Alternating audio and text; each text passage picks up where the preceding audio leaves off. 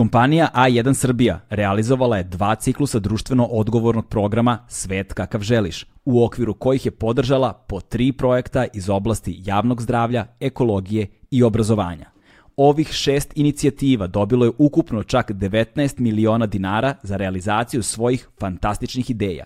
Informišite se više o ovim projektima i njihovim rezultatima putem sajta svetkakavželiš.rs. Legend Worldwide je domaći modni brend prepoznatljiv po džinsu i stilu, fokusiranom na stvaranje smirenog dizajna sa prizvukom modernog nasuprot bezuslovnom praćenju modnih trendova. To je bilo to što se tiče naših sponzora i ovog servisnog dela za sada, a želim da vam predstavim svog današnjeg gosta. U pitanju je uh, jedan od najkvalitetnijih stand-up komičara definitivno koji se pojavio posljednjih nekoliko godina u Srbiji, čovjek kojeg uvek rado slušam, sa kojim se uvek rado sređem i zadovoljstvo mi je da ga nazovem svojim prijateljem takođe. Njegovo ime je Nikola Radojlović ovoga puta izbacio je novi stand-up, takođe svoj specijal jednočasovni izbacio skoro i na internet, tako da ćete moći da, ukoliko niste upoznati s njegovim radom, da pogledate posle ove epizode i njegov specijal, a ukoliko ste u mogućnosti u Beogradu ili da sačekate negde u nekom dru od drugih gradova u Srbiji kada krene turneja, da pogledate i njegov novi specijal o stand-upu, o njegovom životu koji je vrlo specifičan, iskustvima, razvojnom putu i o svemu i svačemu pričali smo u ovoj epizodi. Uživite.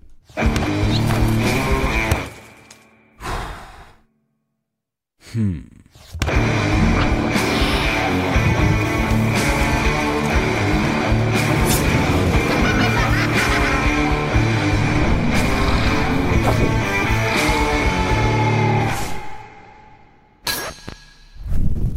Hoćemo da nazdravimo? Ajde, Rakica ti je tu. Ajde, Galebe, pa bolje te našo. Evo ga, matori. Kuća moja. U, u, nisi, nisi uh, subjektivan kad si rekao da je dobra. Dobra, rakija skoro celu smo popili, ovaj, bure, malo imamo... Bure, bure se osjeća. jeste, jeste, osjeća se bure, bravo. Ovaj, Johnny, kuća moja, dobrodošao. Bolje te našao. Nismo se dugo videli. Nismo se nikad videli. Između ostalog, da. Ali znaš, tako se kaže.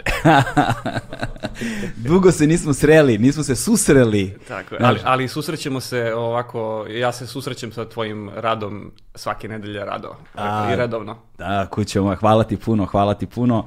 Ove, ovaj, a, imaš novi uh, sat, jel sat?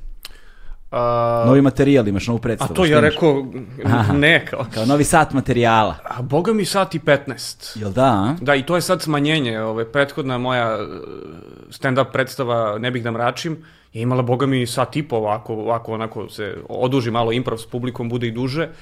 To je možda malo previše, tako da sad sam ga malo skratio, sad je sat i 15. Ova nova predstava se zove Mala neprijatnost i evo, premijera je bila... Skoro. Pa, u oktobru, znači da. 2021. i sad to živi neki svoj vek koliko traje jedna čestita stand-up predstava, par godina će da, da se fura. A ovu staru uh, penjem na mm. YouTube.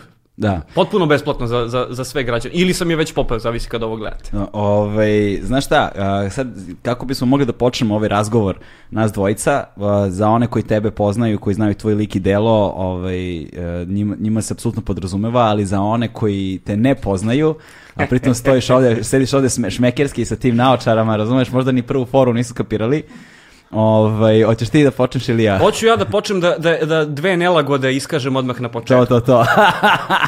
ovaj naš razgovor koji je ovako lepo i veselo počeo ima dva problema kad, kad bude postao tvoja epizoda Agelasta. Da, da. Prvi problem je naziv epizode koji će, gotovo siguran sam, biti Nikola Radojlović, što je jedno najobičnije crnotravsko ime i prezime. da, da, znači, da. Kao, Nikola Radojlović, ono, Srbodrag Patrnožić, kao koga briga. To je da. prva, prva stvar. Druga stvar je što, ovaj, mislim, ja bih volao da imam cool ime kao ti. I prezime, brate. Da. Znaš, tebi ne treba umetničko ime kao, da. brate, Galeb Nikačević Hašijare. Jesi, da. jesi tako izgovara? Tako je, Hašijare, da. Hašijare, brate, to je, ti si super heroj već, razumiješ? Znači, to, to je bukvalno, znaš, ono, uh, neki crtani film Disneyev u kome imaš onu scenu kad se ti boriš sa glavnim negativcem na litici i onda ti on kaže, sada si stvarno gotov, Hašijare. I onda mu ti ispališ neki kamehame talas i sjebeš ga i kao to je to. A ja sa ovakvim imenom, znaš, to je prvi problem. Drugi problem je, vrate, što mi sad ovako lepo ćaskamo i sve, međutim, koliko sam ja shvatio, ti uvod za sve ovo snimiš na kraju. Tako je, Kad da. ja odem, tako da ko zna šta će ti da kažeš. Između ostalog, tako je, da. Ovaj, a treća stvar je tako šmekerski sa naočarama sediš ovaj, i sad se ljudi pitaju zašto imaš naočare za sunce u zatvorenom prostoru. pa, ja sam mnogo velika zvezda, znaš. Da, Da. Je li imao cane uh, naočari?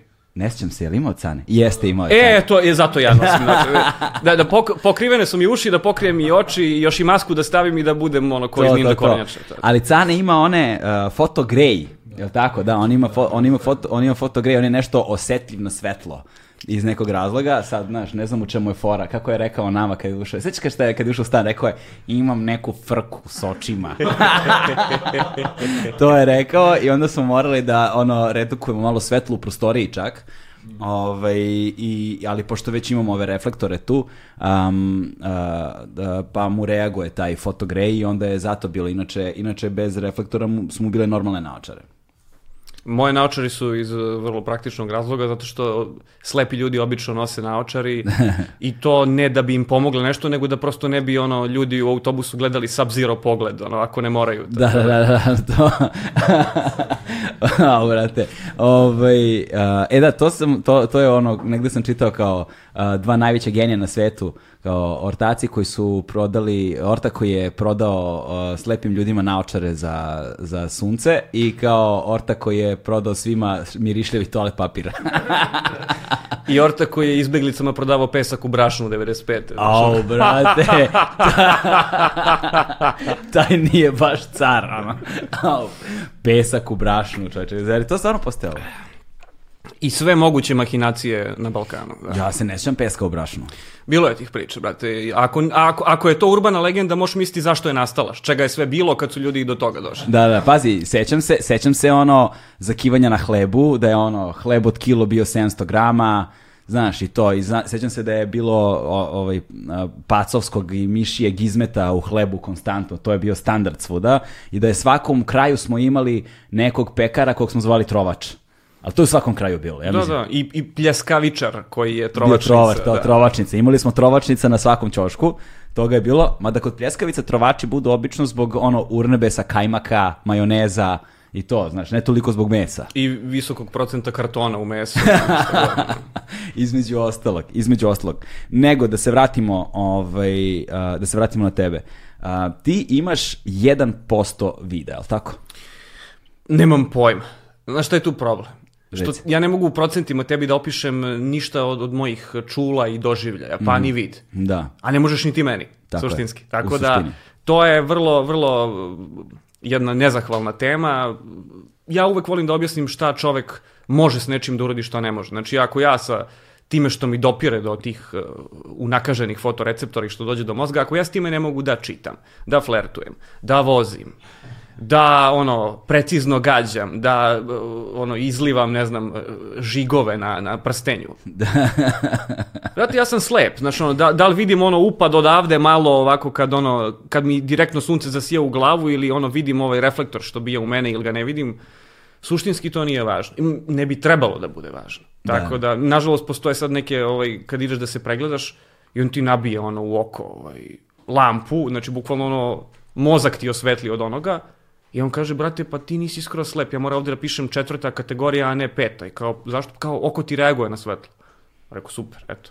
Da. Kad mi nabiješ to, onda reaguje. Eto, to, to mi mnogo znači u životu. Ne. Da, da, kao, na- dakle, ti negde zapravo uh, ono, senzitivan si na svetlosne izvore, otprilike. Da, da, Koji su jaki. da. Intenzivne svetlosne izvore i to je to. To je to i sad neko ko nema ni to bi možda pomislio da je to nešto mnogo ovaj, značajno, ali ne pravi to neku razliku. Da, ali ti pomaže, na primjer, u orijentaciji na neki način nekad ili nešto. Pomaže mi, ali znam ljude koji vide mnogo bolje od mene, koji vide dobro, kojima to što vide ne pomaže. Tako da to radi mozak, znaš, ne to što ja vidim i količina toga, nego prosto kako ja to koristim. Mm, Znaš, e sada za- zanimljivo je uh, za nekoga um, kao što, za nekoga kao što si ti da si zapravo um, na jedan vrlo specifičan način zapravo pristupio i stand-upu. Ja, ja sam tebe upoznao zapravo kroz Ben Akibu i kroz celokupnu stand-up scenu i sećam se da mi je tvoja pojava bila uh, toliko autentična i, pr- i ono što mi je bilo najzanimljivije jeste što uh, reagovao sam prvo na tvoj humor i u početku nisam kapirao zapravo uh, neke fore zato što je tvoje nošenje i nosiš se tako i ponašaš se na sceni tako da čovjek uopšte zapravo ne skapira da ti ne vidiš. Znači, ja sam mislio da tebi štap prop neki koji koristiš za nešto, razumeš? Pa još si počinjao svoje vremeno foru sa kao, ja sam, kako si rekao, skijaš sa hendikepom. Imam, ne, nedostaje mi jedan štap i obe skijal, tako nešto. Da, da, da, tako je nešto bilo. Pa dobro, hvala na komplimentu. Mislim. I ti si meni uvek bio simpatičan. I ja sam mislio da je to kao, ja sam crnac stage appearance, znaš, Da, da. ali kao... Molim te. Ne, znaš što mu je fora? Ovaj, ja mogu satima da pričam o, o, o hendikepu, znaš, Da. ali suštinski u tom momentu ja bih volio da ti znaš kako se ja osjećam, zato Mm. što je to nešto o čemu nikad nisam pričao. I to je isto, zato sam ti sad o- okrenuo kontru, to je bukvalno sad kao kad bih ja tebe pitao kako, ovaj, Da.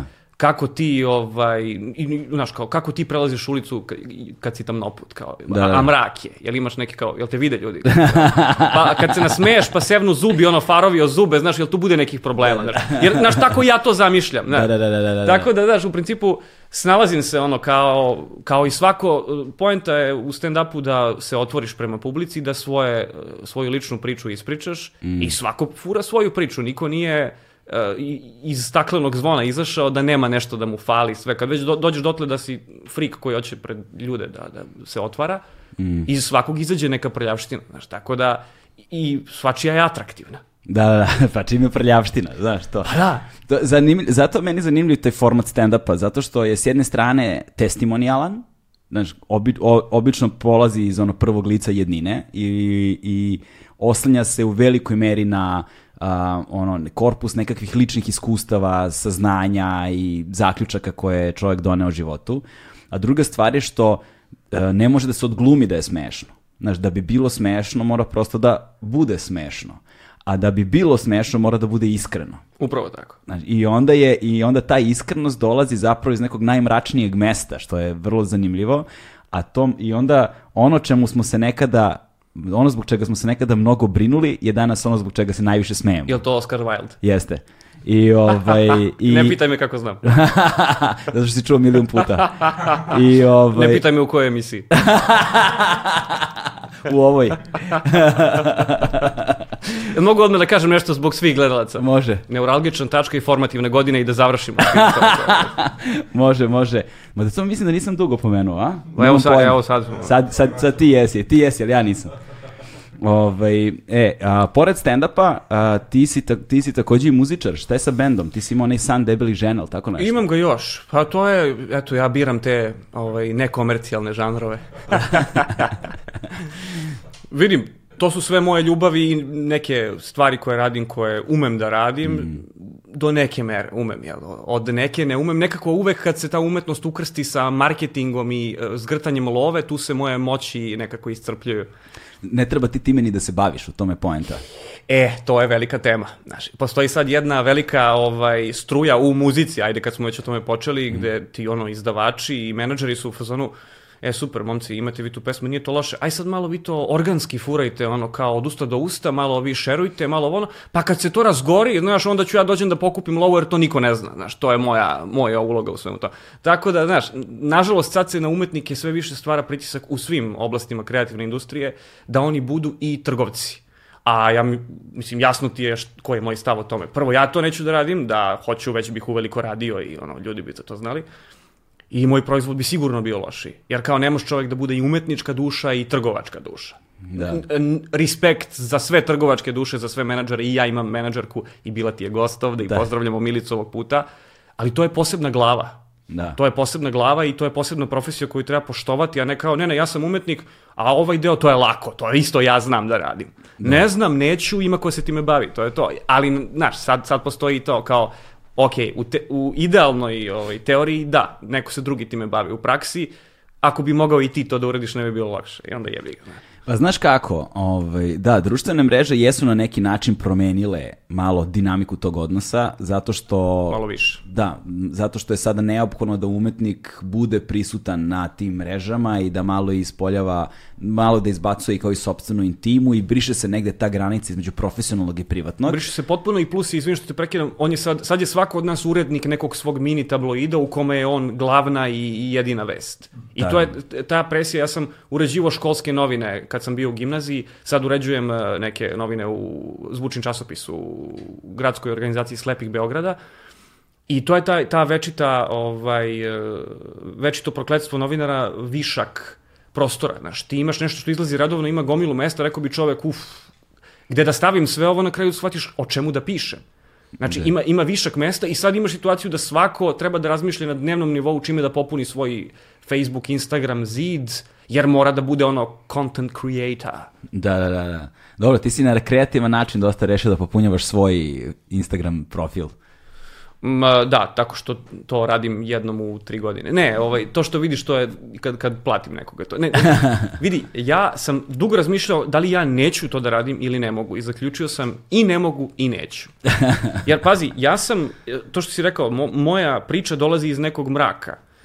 Ne samo mraka, ja sam tužan, nikome ne volim, nego iz jednog cinizma, iz jednog uh, osobenjaštva, iz jednog kritičkog promišljenja, kako god. I to je taj fazon, znaš, ja, kao i svi komičari na bini, nabacim svoje naj, ono, prijateljskije lice i tu delujem kao drkađija. Da, da, da. Znaš, I ne ide uz mene da ja sad okrenem ono ka sebi ono selfie štap i kao "Ć- ćao ljudi za sve vas koji ste tu tražili, evo treći put danas, evo ovo je moje novo kupatilo. Znaš kao boli me dupe. da. Znači neću to da radim. Ono, kao. Ako je cena za to da imaš manje publike i to neka ići ću organski, znaš, ono sporo rastem, ali lagano, kao i agelast. Tako, ali je svaki tvoj, ali je, ali je svaki tvoj ovaj, pratilac tvoj. Tako je. Tako je. I ti, I ti bi došao do stotke, ono, 100.000 pratilaca pre, pre dve godine da si, ono, imao ubistvo u emisiji, ili tako nešto, znaš, ono, ali kao, zašto ići tim putem? Da, i to je istina, da smo se skidali goli i radili ne znam šta. Znaš, to je problem zapravo sa YouTube-om i zato ja uvek toliko insistiram na tim podcast platformama, zato što ajde sad van toga što se podcasti prvo slušaju, nego zato što si na podcasti platformama samo sa drugim podcastima. Znaš, nisi, ni- nema, nema drugog, trećeg, četvrtog, petog, 75. sadržaja sa kojim se takmičiš. Da, Znaš, da. na YouTube-u se ti negde takmičiš i ono, od gejmera preko estrade i starleta do ono, znaš, nekakvih čeli... Mislim, svakakva glupost koju vidiš na YouTube-u je ti je zapravo konkurencija kada si prisutan na YouTube-u, jer se ti zapravo otimaš za isti prostor, istu vrstu pažnje kod iste publike. I, ovaj, I to je onda malo nezahvalniji proces, jer ako ćeš tu onda da se fokusiraš, ovaj, tržišno, Igraš po njihovim pravilima. moraš da igraš po njihovim pravilima, tako je, znaš. A ja ne želim da igram po tim pravilima, a čim ne igraš po tim pravilima, onda te algoritam ne favorizuje drugačije, sve drugačije. Isključen si, i, kad ne igraš po pravilima, isključen si i uh, društveno i eto, softverski. Dakle, Da. bukvalno isključujete ceo sistem. I to je, nažalost, nažalost je to jedna od definicija ovaj, jedne e, ružne reči koja je sve popularnija kod nas, to je diskriminacija. Dakle, Da. postoje dve reči koje su u Srba popularne u zadnjih 10 godina, to su stand-up i diskriminacija i niko ne zna šta znači ni jedno ni drugo. Svako ko nešto kenja pred gomilom ljudi, to je stand-up sada, jel? Da. I sve što mi se ne sviđa, a nekom je uradio, to je diskriminacija. Znaš. A zapravo su ove vrlo ozbiljne stvari u pitanju, pogotovo, jel, ajde da kažemo diskriminacija, da kažete, to je veći društveni problem nego stand-up. Da, da, da, da jeste, svakako. Možemo, možemo da se složimo. Da, to, to, to još uvek, još uvek, Da. još uvek je ono broj jedan diskriminacija, nije, nije još stand-up tako ovaj, državni neprijatelj. Ali e, ta isključenost, ako, nisi, ako si drugačiji, a, došli smo od toga ne samo da te e, isključuje iz procesa čega god, zapošljavanja, ono, zbližavanja, ne samo te isključuju pojedinci, firme, sistemi razni, nego te isključuje društvo. I kompjuter te isključuje, znaš kao, ili si naš, ili, brate, tamo tavori sa 5% ili sa 1% istomišljenika i nema za tebe vidljivosti. Da, to je, to je takođe problem kada, kada si u undergroundu, onda si osuđen na te eho komore, jer kao ne dopireš zapravo, ne čuje se tvoj glas na drugim stranama i onda nema te razmene, a ako si mainstream, onda si obično ispražnjen od sadržaja nekog vre, nekih, nekakvih vrednosti, zato što jebi ga, znaš, kao mainstream zarađuje lovu i ideš tržišnim, Da, da. Tr, tr- ideš tržišnom linijom i gledaš, samo se prilagođavaš onome što su up, trenutni trendovi. Tako, i imaš uvek e, dvoje ili troje koji su uspeli da ostanu i underground ili da se proslave čisto da bi zajebavali nas ostale da je to moguće. znaš, Tako i je, onda tako je. kao da, To su izuzeci koji potvrđuju pravilo. da. A1 je prvi prijatelj audio izdanja Agelast podcasta. Ajde kad si već pomenuo diskriminaciju, neka nam to bude neka početna tačka i da malo govorimo o tebi, o tvom životu, o tvom odrastanju, o tvom snalaženju u ovom svetu koji nažalost nije krojen a, posebno ovde u pome, po meri ljudi kao, kao što si ti, razumeš. Tako da, kako izgleda, a, kako, kako izgleda ono za slepe i slabovide ljude um, a, a, život i odrastanje a, u Srbiji i u Beogradu u tvom slučaju? Ti si iz Zemuna, si, ne, iz Novog Beograda? Ja sam iz celog Beograda. Celog Beograda, to da to. Živeo sam na pet adresa i verovatno spisak nije konačan. Tako da, zadnjih devet godina sam tamo na kraju blokova. Ono. Novi Beograd, Bežanija, Ledine, Tromeće. Tako da, Da, da, da, da, tromeđa, dobro, tromeđa. Tako da, O, tamo, čekaj, to, to tamo gde je okretnica devetke, ne? Mm, ne na tu stranu ka Savi, ali blizu si, gore gde je e, Aha, znam, tamo je ono brdo. Uh, kružni tok koji vodi ka, ka Surčinu. Da, da, da, da, Ovo je da. našim gledalcima iz Leskovca najbitnija stvar. A, prvo moram ti kažem jednu stvar. A, diskriminacija je svuda oko nas. Dakle, ovaj svet, e, svet, znači ne Srbija, nego ovaj svet nije pravljen po meri ljudi koji se ne uklapaju u većinu, to je ovo što sam malo pre rekao. Mm. A društva koja nisu baš ono zapadna Evropa, što je 90% sveta gde spada i Srbija, tek. Mm. Tako da svi smo mi žrtve diskriminacije, samo postoje društvene grupe koje su posebno osetljive na diskriminaciju, a svi je doživljavamo. to si lepo rekao, to je istina, da. Znam da se i ti prepoznaješ u tome. da, apsolutno, da. Eto, I znam da si prevazišao to, zato što vam ovo i pričam. Mislim, ne, ne bih ti ni, se ni sprdao na tu foru da znam, da ne znam da, da si imun na to. Pa ja sam sad, znaš, za ljude koji ne poznaju tebe i mene i koji ne poznaju odnos naš dvoj, nas dvojice, ovaj, neke stvari mogu da zvuče malo čudno, ali mi se zapravo ovdje još i su- suzdržavamo kako izgleda naš razgovor kada kamere nisu isključene. Daleko je to ono od političke korektnosti, znaš, ali nećemo sada da, ovaj, da, da, da, se, da se baš toliko opuštamo, osim ukoliko rakija ne proradi, ali bez obzira, a, zato mi je zanimljivo da govorimo o tom problemu diskriminacije i da nam to bude negde prvi segment razgovora i, i to odrastanje sa tim, sa, posebno kad govorimo o tim senzitivnim, odnosno osetljivim grupama, jel te? Um, ne samo ajde što sam ja prevazišao, iako se sa brojnim stvarima borim i dan danas, ali ne borim se sa njima u kontekstu um, uh, ja protiv sveta u kojem živim, nego ja protiv samoga sebe. Dakle, sa svetom sam rešio probleme, a onda moram da se okrenem i da popravim sve stvari koje su unutra pokvarene zato što sam ih gradio u odnosu na te, tu dinamiku koja je bila oko mene. Pa sad moram da srušim te ovaj, mehanizme koje sam gradio u detinstvu, u najranijem detinstvu, ono, u tinejdžerskim godinama, formativnim godinama, znaš, da bih, da bih ovaj, da bih sada u poznijem životnom fazi mogao da ono živim zaista što slobodniji, što otvoreniji i da prepoznam neke stvari koje ranije nisam prepoznao. Kidaš skelu. Tako je, da, skidam skelu, bravo i stavljam fasadu. To, to. Prvo stavim fasadu pa skidam skelu, to, to. Kućo. Može se reći. E pa sad me zanima, Ali pazi, nije to, to je, ovaj, uh, izvini što te četvrti put prekidam, uh, Samo to je vrlo bitna stvar što si rekao, znači, uh, ti si sa svetom raskrstio, samo si, sje, sebe sjebao, samo toliko i sad je ostalo samo sebe da popraviš, znači, samo. ono, ono što nas je formiralo, to nas je i, i zgužvalo i onda kao dok se posle ono regenerišemo, to je zapravo glavni deo posla. Apsolutno tačno. Je, bravo, to si baš lepo rekao. Ono što nas je formiralo, to nas je zgužvalo. Znaš koliko je meni vremena trebalo da ja shvatim da gomile mehanizama koje imam u sebi su vremenom postali toksični. Nekada su mi bili neophodni da bih preživeo, da kažemo tako, a onda, pošto sad kao ja već duže godina živim ovako, a ne onako, ovaj, ti mehanizmi su postali ne samo neupotrebljivi i ovaj, beskorisni, nego su postali čak i toksični, znaš. I sad ja kao treba ih nekako eliminisati i izgraditi nove umesto njih. Da, jer suštinski čovek duboko u sebi osjeća ono isto što je osjećao kad je dete, a to je šta je on zapravo, a ne šta je postao Mm. pod pritiskom društva. To ti ono, da li je ono bonsai, kako se ono zove? šta Da, da, da, da li je drvo. to prelepo oblikovano drvo ili unakažena biljka? to je dobro pitanje. Ako da. pitaš ove biljke, ja sam siguran šta je odgovor. da. A ako pitaš majstore koji se bave bonsaijem, umetnike ili kako god sebe tako je. Ovaj, da, to je baš dobro pitanje. A, I druga stvar je onda, naravno, u svemu tome, a, sad kao kako ti gradiš emocionalni odnos prema sebi i prema svetu oko sebe u, u, kroz, kroz takvo odrastanje. Znaš, a, i kako gradiš samopouzdanje Znaš, između ostalog, kako se snalaziš u sredini, na koji način ta sredina reaguje na tebe i kako stvaraš ono otpor ili reakciju na sve to i kako kao izgrađuješ uopšte neko samopouzdanje. Ti, da. znaš, imaš to samopouzdanje, ti imaš to držanje i to mi je ono, znaš, mnogo mi je drago kada to vidim, razumeš? Da. Moram, moram, to mi je, to mi je skill za preživljavanje, ali uh, koristan je za druge stvari. Znaš čemu je tu fora? Kad si drugačiji od ostalih, vrlo je bitno kad si postao drugačiji. Ako se rodiš kao drugačiji i ako te usmeravaju od malena u nekom pravcu kao što mene jesu, dakle imao sam e, nedvosmislenu podršku porodice, onda ti odrastaš u jednom, e, jednoj sredini gde ti primećuješ da tu i tamo nešto ti nije po volji, da se razlikuješ, ali ne patiš. Mm. Dakle, e, to je možda čak i još egzotičnije, sigurno, ali još opasnije. Znači, ti nisi ni svestan koliko si isključen. Jer kad te boli nepravda, ti si onda svestan, ja hoću tamo, ali ne, ne daju mi oni, ja hoću tamo.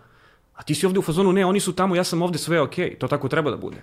Mhm. Znači, nisi ni svestan koliko si, koliko si isključen. Uh, da, i na neki način e, pomirljivo prihvataš kao nekakvu vrstu determinizma. Uglavnom ona, da. da. I, I zadovoljavaš se onim što imaš ako si ili optimista u životu kao što ja, ja, ja sam. Uh, onda se zadovoljiš... Ovaj cinizam je samo nastup.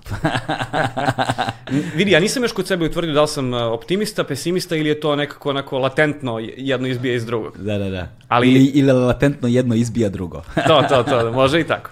A, znaš, kad te, kad te od malena usmeravaju na to da se obrazuješ, da budeš dobar đak, da ispolja, uh, stavljaju te u situaciju da ispoljavaš svoju kreativnost, ti se onda nabiješ skroz u to i kad god osetiš neki, neku nelagodu sa bilo koje strane, ti bežiš u to. Čak, mm. čak nemaš ni osjećaj da bežiš, samo si, odeš u komfort zonu i ja sam tako odrastao. Znači, ono, sve petice u osnovnoj školi, dok sam još nešto malo i video s tih 1% nabijao nos u, u papir, crtao nešto, vajao, šta god, ono, smišljao pesmice, A čekaj, ti si progresivno gubio dodatno vid kroz Da, ja sam od uh, najslabovidijeg deteta u, u školi za slabovide postao, postao slep, tako da suštinski ono, to je dogod sam mogao, maksimalno sam koristio vid i to 90% za kreativu. Dakle, ja se nikad nisam suštinski kretao samostalno, nikakva socijalna interakcija uz pomoć vida, jer nije moguće, mm. ali sam to malo što sam video koristio za eto, to, tu neku onako primitivnu vizualnu umetnost, kako god. I e, to mi je najviše značilo mentalno. Mm. Da imam to neko utočište i tako sam otprilike do kraja osnovne škole proveo u tom fazonu nekom. Imao sam naravno tu i tamo neke, neke drugove, ali to je sve onako dosta skromno u poređenju sa, pretpostavljam, tobom, znaš, ono. No, nisam se nija baš ovaj, proslavio sa drugo, dru, pri, društvom, znaš, u, u, u osnovnoj školi posebno. I zapravo, da budem precizniji, u ranim razredima osnovne škole, dakle govorimo ono, aj, prvi, drugi, treći, četvrti razred, tu je ono bilo najkritičnije, od petog na dalje, dalje je bilo malo bolje, ali se, znaš, ni tu nisam u potpunosti snašao, srednja škola je bila katastrofa, ovaj, ja, sam, ja sam ono postao cool negde od 19. 20. znaš, recimo tako nešto. Kako to misliš postao cool? umalo da me uhvatiš. Ovo je naravno šala. ovo je naravno, ovo je čak i neuspela šala, svi znaju koliko si ti super cool. Kao, samo to i radiš. Ne, da, ne, da. Ovaj, ne, vidi, znaš što je fora? A, nešto je, kako, kako izgleda, kako nešto izgleda... je toncu mnogo smešno ovo poslednje što sam rekao. Da. Ja bih to proverio. Nije, nije to tonac, ovo je, ovo je snimatelj. Da? Ja ga zamišljam kao tonca. tonac je iza tebe, znaš. sa, sa, sa satarom. Da, sa... vidi, vidi, mi slepi moramo budemo dosta o, verujući ljudi, znaš, jer kako ja sad da, da znam da on ne, ne drži satar. Ako sam psiho, ja zaista mogu od ovog trenutka to da mislim i da me to ometa, znaš, kao, znaš, kao koji mi je dokaz da ne drži. Znaš, tako da ja kad, kad god neko kreira neku teoriju zavara ili bilo što, ja sam u fazonu, brate, kao, Ja stvarno misliš da će sprečiti nekoga ako hoće da ti se usere u život? Kao, Da. a opusti se malo. I to što kažeš, čoveče, vidiš. Kako je izgledala tvoja, dakle, integracija na ta, na, kad, e, i, i tvoji, tvo, tvoje suočavanje, dakle, sa sredinom, zajednicom, nekom koja nije tvoja uska i najbliža, ovaj, e, na primjer, to je vjerojatno osnovna škola bila, kre, polazak u osnovnu školu i kao susret sa odeljenjem jednim ili tako nešto. Zapravo meni je osnovna škola bila skroz kur, to je uh, in, prva inkluzivna osnovna škola, ja bih rekao, u Beogradu je šire. a gde? Koja je to škola? Dragan Kovačević se zove, to ti je u Cetinskoj ulici tamo. Preko puta trgovačke škole, malo Mhm. ispod ekonomske. Aha, aha, dobro, da, da. Uh, mala škola, radi po specijalnom programu, na, nastavnici se posvećuju svakom detetu, do 10 učenika u odeljenju, uh, idu kombinovano da je deca koja slabo vide, deca koja vide, čak i deca sa određenim intelektualnim teškoćama i sad koliko god neki bili protiv toga, ipak naučiš od malena da je društvo raznoliko i da za svakog ima mesta i da i koliko si govno bio kad si zajebavao te, ovaj, što su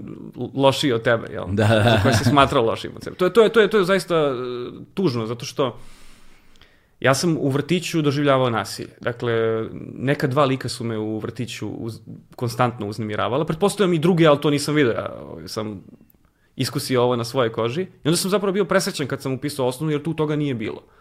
Ali nije dugo vremena prošlo kad sam ja počeo da diskriminišem druge, koje, kojima, jer je meni to bilo zabavno. Naravno, ja nisam vršio nasilje, ali bilo je tu i tamo zadirkivanje i evo, ako je ovo, ovo je sigurno najbolja prilika da kažem da mi je zaista žao zbog toga. Pogotovo što sam te ljude kasnije sretao, dakle tu decu kao formirane ljude sretao, na, na- susreli su nam se putevi na nekim mestima gde se baš videlo koliko sam koliko sam pogrešio. Mm. A to su e, neka udruženja u kojima sam ja radio, a oni su bili korisnici. Mhm. Znaš, i kao, jebote, ja sam s ovim likom išao u školu i zajebavao ga, brate, on je, znaš, kao ima, ima dijagnozu, kao, a kao, ja sam se snašao i kao, to nije u redu. A znaš kako, kad govorimo o tom da zaista najmlađem nekom ovaj, uzrastu, kad govorimo, dakle, kad govorimo u trenutku kad uđeš u vrš- vršnjačke grupe, Dakle, to je nešto ono malo posle vrtića, jel te, negde, se- ono, od prvog razda osnovne škole, nazovimo tako, da si zaista ono integrisan u vršničke grupe i da su ti drugari, drugarice i tako dalje zaista važni i da, i da kre, kreiraš i svoj identitet i tako dalje kroz ne, negde u, ne, sebe, kroz uh, društvo u kojem se krećeš, ovaj, ti si i dalje zapravo dete, znaš, dete si i na, u tom kontekstu dete su vrlo često ogledalo društva u kojem živimo. Znaš. Ja sam, kažem ti, isto tako osnovnu školu kad sam krenuo, 89. godine sam krenuo osnovnu školu, ja sam posljednja generacija Titovih pionira, jel te? Ovaj, vrlo brzo se desilo stanje znaš, u, u bivšim republikama koje se desilo i ono se oslikavalo u, u dečijoj igri. Znaš, mi smo se pre ono, uh, rata igrali indijanaca i kaubojaca, znaš, onda je- su krenule kriminalne 90. pa smo se igrali policajca i krimi, lopova, je li tako? Znaš, to se, razumeš?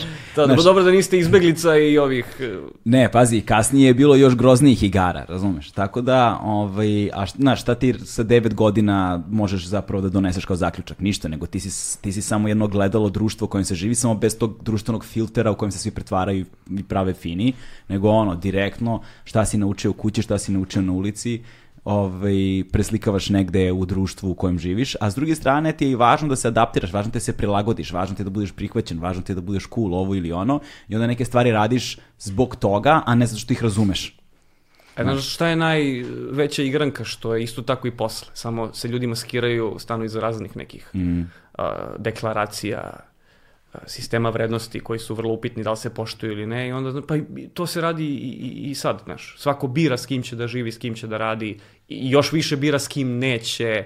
Da. Svako od nas iz hobija pljuje neku grupu ljudi, ogovara ih po raznim Mm. ono, sedeljkama, hejtuje na društvenim mrežama. Mislim, ne svako od nas, ali svako ima neki procenat toga u sebi. Ne, neki su baš ogrezli u tome, neki kao što sam, nadam se, ja, koji su osvestili to kod sebe, kad se uhvate da idu na tu stranu u fazonu su, ajde prestani s ovim, samo prosto. Da, da, da. Tako da, e, kad god je nešto loše u društvu, ja kažem, ok, ti nisi vanzemaljac, kao i ti imaš procenat toga u sebi. Kao, nemoj odmah drvlja i kamenja na to, nego ajde da to posmatramo ovako malo studioznije. jel? Da, samo je važno da se to osvesti na vreme negde, ovaj, pre nego što posledice budu trajne i katastrofalne, ovaj, ali i po tebi i po druge, naravno, znaš, ali je stvar u tome da, a, znaš, kako vreme odmiče i kako odrastamo i starimo, a, to, je, to su lju- međuljudski odnosi kompleksniji. Znaš. I sada, reci.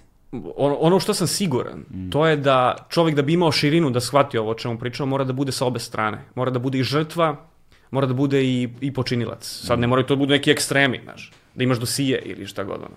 Da si bi išao u sigurnu kuću. da, da, da. Ali da osjetiš i jedno i drugo. Ljudi kojima je dopušteno od, od početka života pa do, do kraja da samo tlače nekoga, da samo idu iz super pozicije, što bi oni razvili e, empatiju, građansku svet, što bi kad ono, kao, kao Atila Hunski, dokle ćeš da osvojaš dok mene zaustave? I onda su ga zaustavili. Da, da je sad sa, sa Atilom si nam dao zapravo ovaj, dobar šlagvort, jel te? Um, i za ono što sam ih htio da kažem na kraju ovog mal, ovoga malopre, a to je da osobe koje se nalaze u tim a, najosjetljivijim a, grupama, a, a, nažalost u velikoj meri a, ne prolaze kroz sistem obrazovanja a, a, uspešno, vrlo često. Da. Na- Znaš, i vrlo mali broj njih ono da ja znam uopšte ima i srednje obrazovanje, znaš, znači značajan procenat njih nema ni srednje obrazovanje, veliki broj njih sa osnovnim obrazovanjem završava, posebno ljudi koji imaju ozbiljnije intelektualne smetnje i tako dalje.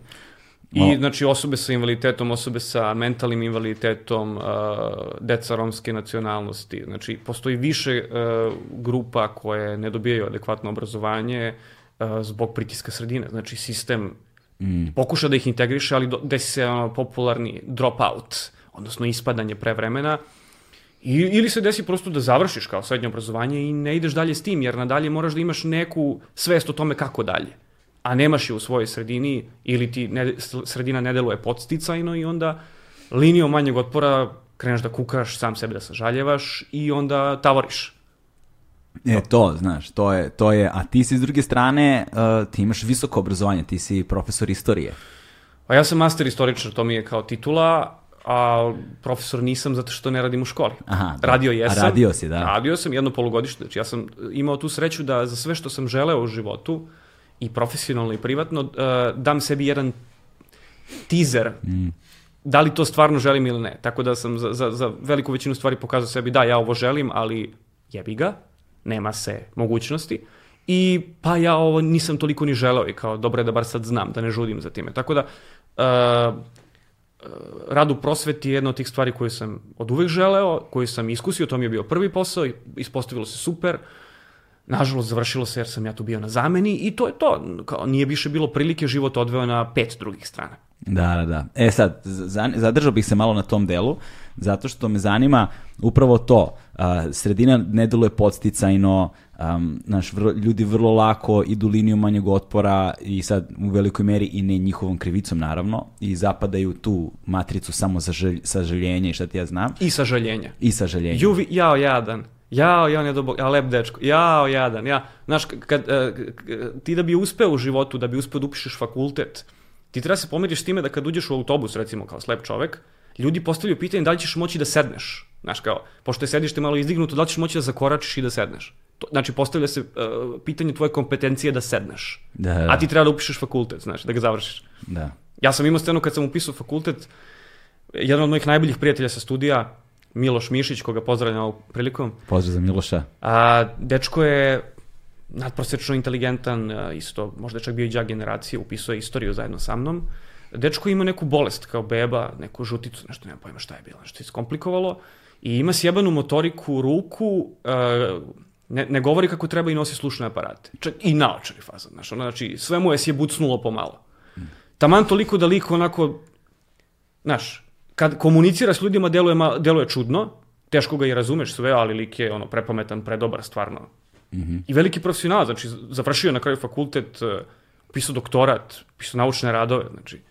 I Tavor isto. Nije društveno napredovao zbog te nepodsticane sredine, ali hoću da kažem, anegdota, kad smo upisali, nas dvojica stojimo u hodniku, nešto pričamo i on ode do toaleta i meni prilazi neki tu random lik. Mislim, znam ko je, ali za ovu priču je random lik, jer Da, da. mu je postupak. Bože, sačuvaj, kao, izvini, kao, on je tu kao sa tobom, ja kako, pa, to je naš kolega, on je upisao, i on kao, aha, pa nisam znao kao da i, i takvi mogu da upišu. I kao jebi ga, znaš. Šta da. kažeš na to? Ništa. Samo da ga godinama kasnije kod Galeba napljuješ. Znaš kako, ja još jedna stvar koju sam naučio negde vremenom kada je diskriminacija u pitanju, to mi je možda bila jedna od najtežih lekcija da je naučim.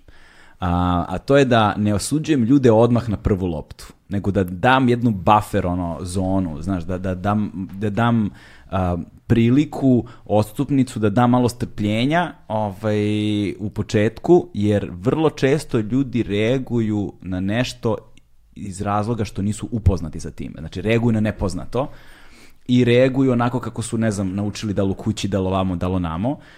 I zaista se pokazalo, zaista se pokazalo kroz praksu, kada ljudima daš priliku i ne reaguješ odmah na prvu, ovaj, oni u vrlo kratkom vremenskom periodu, da li kroz nekoliko dana, da li kroz dva, tri meseca, ukoliko se sporadično srećete, ako se srećete svakodnevno, već do kraja dana može se promeni slika, ljudi sami skapiraju, ogromnoj veličini, ljudi sami skapiraju da njihovi postupci na početku nisu bili ok i onda vremenom to promene, a oni koji nastave da se ponašaju na isti način, ne onda njih precrtavaš i otpisuješ. Oni sami sebe isključe. oni svog sami sebe isključe i vrlo, vrlo brzo, ukoliko si prisutan u toj zajednici, zajednica primeti njihovo ponašanje, onda ih i oni isključuju među vremenu, znaš.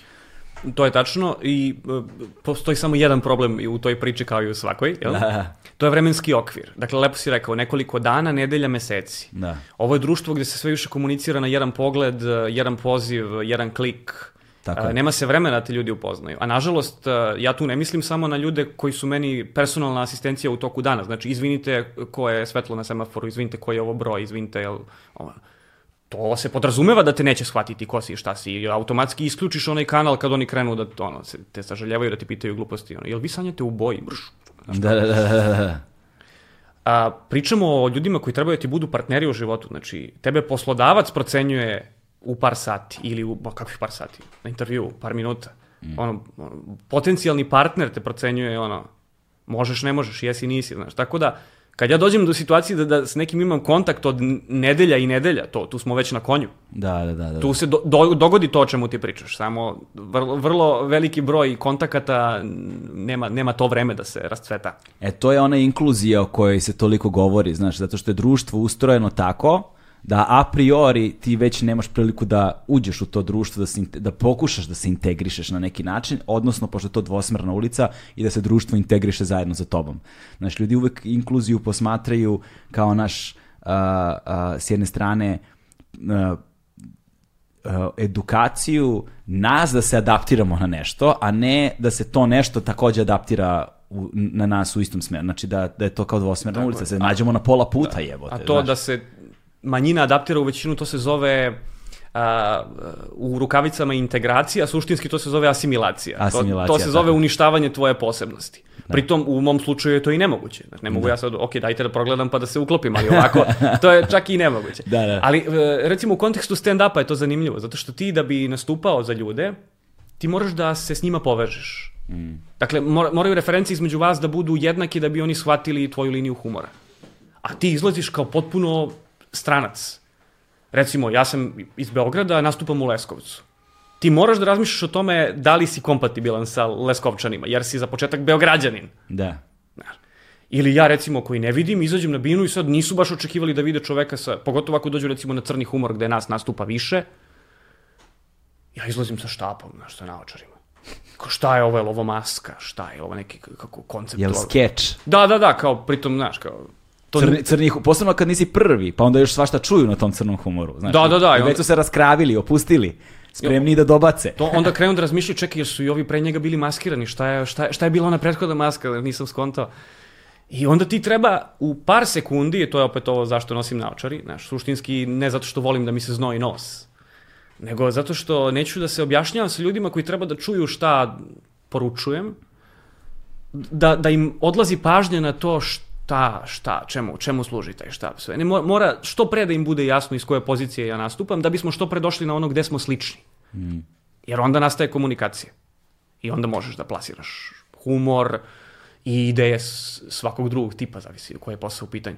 Da, e sada, a, u kontekstu tog prelaznog perioda, dakle, izlaziš iz, ajde da kažemo, iz nekakvih pod znacima navoda um, a, a, iz, iz jedne, pod znacima navoda iz jedne faze nekakve Larve. u- u- da larve, da, nekak, ne, ne, nekakve kakve takve zaštićenosti, jel te, do nekog ono tinejdžerskog perioda da kažemo i onda verovatno sa srednjoškolskim obrazovanjem sa srednjom školom zapravo a, ovaj, i sa to kao naš kad krenu i hormoni kad krenu da se menjaju značajno društveni odnosi dinamike društvenih odnosa i na drugačiji način se formiraju društvene strukture i mnogi drugi faktori tu sad ulaze ovaj, tu je verovatno najteži period adaptacije i za tipične osobe, na, a kamoli za nekoga koji ima bilo kakvu vrstu hendikepa ili koji je na bilo kakav na, koji način a, Drugačiji. spa, drugačiji ili spada u nekakvu osetljivu grupu. Jeste. Ovaj, I tu se dešavaju najčešće ti oštri zaokreti a, kada se gubi samopouzdanje, kada se ide linijom manjeg otpora, kada se ne, ne, ne pronalazi dovoljno motivacije, dovoljno snage ili, nema, ili se nema dovoljno podrške ili ko zna kakvi se faktora da se probije kroz tu šumu. Da, znaš. tu se, tu se čovek formira kao ono kad se zagreje metal i onda, znaš, može da se, Da. može da se istopi na, na razne strane. Da. Kako su izgledali tvoji izazovi i kako si te izazove prevazilazio? I do, do, iz, izašao na put na kojem se nalaziš sada? Pa vidi, ne bih se mnogo zadržavao na srednjoj školi zato Da. što je to za mene isto jedan sušan period uh, u smislu socijalnih kontakata. Ono što je za taj period važno, to je da se tada razvio humor kod mene kao način izražavanja.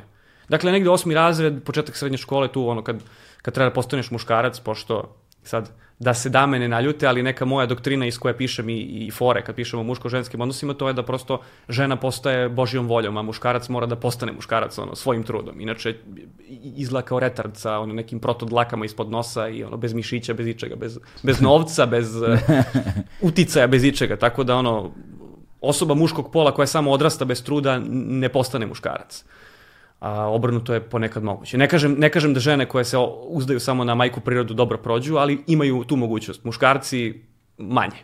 Muškarac sa hendikepom još manje. Dakle, ja sam sa 15 godina shvatio da ako se ozbiljno ne potrudim, ako ne budem neko i nešto u životu, da ću zaista biti niko i ništa. A čekaj, jesi to imao kao svesnu odluku? Svesno, kao to je bila jasna misao? Dobro pitanje, mislim da je više bilo podsvesno.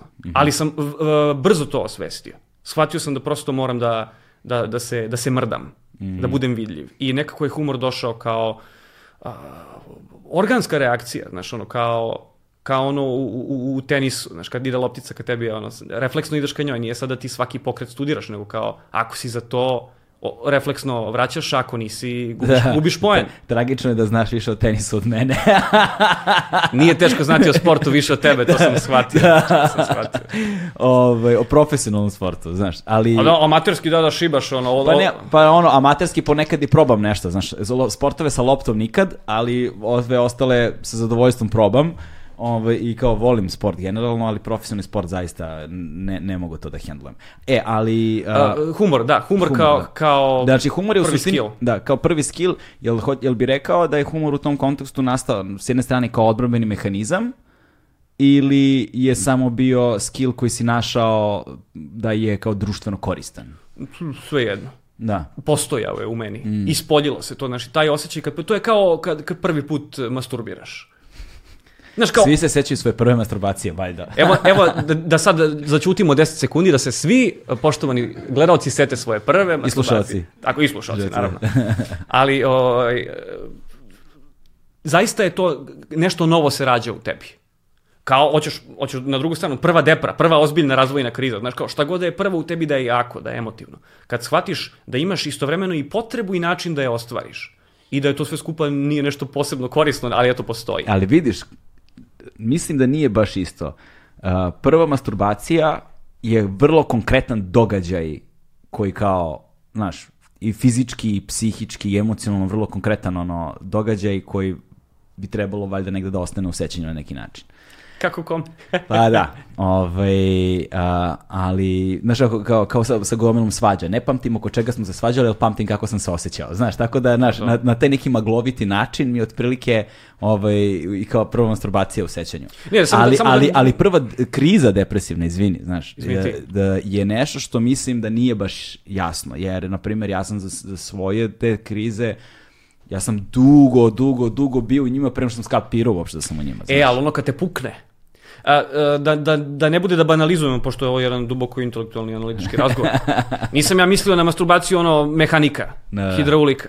Da. nego on, dinamika fluida, nego uh, kad te pukne on odavde kad ga osjetiš iz ovaj ne, nema pokazivanja. Da, da. Iz iz uh, gušterače kad ti dođe onaj kad te kad te pukne u mozak ona emocija da želiš nešto i onda kreneš ka tome nekako kako znaš i umeš. Instinktivno. Instinktivno, to sam mislio. Dakle, uh, humor kao otkriješ da nešto izvališ smešno, nasmeješ 20 ljudi oko sebe koji su potpuno različiti, svi se nasmeju na to, u trenutku dobiješ ogromno društveno priznanje, to traje bukvalno trenutak, i posle si opet isti ko što si i bio. Čak se osjećaš malo gluplje kad shvatiš da si to uspeo kao neku magiju i ništa nisi dobio. I, I onda ostane bolesna potreba, a to ponavljaš kad god možeš, iako znaš da opet ništa nećeš dobiti, i onda vremenom dobiješ, jao, dragi, ovo je Ninja iz uh, škole Ortak, znaš kako je on bio smešan, ja sam u fazonu, teo sam da te jebe, znaš. Ali kao, osta, ostade humor samo. da, samo, da, i onda, onda znaš, kad, kad nećeš više da nastupaš po svaku cenu, onda postaneš stand-up komičar, onda ti menadžer formira cenu, onda nije po svaku cenu. da, onda nije po svaku cenu, da, da, da. Ovaj, jel se sećaš koje su ti bile prve fore, ono, tada u školi? Da, osmi razred i plakat koji sam ja napravio, slep čovjek pravi plakat. Ne bi verovao, znači ono, paint, pa maksimalno uveličano, pa ono, pikseli se, znači jedan piksel ko kockica, ono, za, za, za riziko. Znači, ono, u show program, znači koja, je- koja je to moja posvećenost i ljubav bila kad sam ja taj, to, to, su, to su ostaci ostataka vida, koristio da napravim nešto vizualno. A plakat Budi kurva. Osmi razred, ono, specijalna škola, znaš. Pritom ne specijalna za delikvente. nego Da, da, kao- da. Pritom ja kao đa generacija, znaš, kao plakat Budi kurva. Da. Nastavnici kao, pogledaj šta ovaj radi, da je realno. Druga, drugi bljesak u, u gimnaziji, znači treća Beogradska gimnazija kao jedna od elitnijih, hajde da kažemo, šta god to značilo, i uh, akcija, to je kao kategorija postojalo tada, znaš, sad ne znam da li dalje postoji. ne sam ni da proveravam. Poslednji put sam ušao u gimnaziju kad sam ono na, na, na praksi ovaj, držao čas isto u trećoj i već sam video razliku, tako da... A u školi nisam radio od 2014. tako da sad kad bih ušao ne znam da li bih se snašao. Da li bih razlikovao učenice od profesorki. Ali um, druga godina gimnazije, čas građanskog i o, profesorka koja je inače psih, psihologičarka, jel? Psihološkinja, čini mi se. psihologica. Zada je zadatak em, da napravimo akciju po školi gde mi promo- promovišemo prava učenika. E, to može da bude pamflet, e, leci, plakati, šta god. I ti se opredeliš za plakat ja ponovo. kao, ping, ja se opredelim za sve pomalo. Jedino što sam ja zaboravio to je da e, treba se konsultujem sa njom da ona odobri materijal pre distribucije. Zaboravio. Ili prenebregao. Ajde sad, ne sećam se baš svega. Dobro, dobro. Godine. Um, ja to napravim i sad ono par entuzijasta tu kao to kralju idemo, lepimo ovo ono, mi polepimo to po školi, sutra dan ja nađem plakate poderane, ovo ono i kao poziv javi se ono, direktorki kao, ili, ili psihologu i direktorki, tako nešto. Znaš. I kao, ups.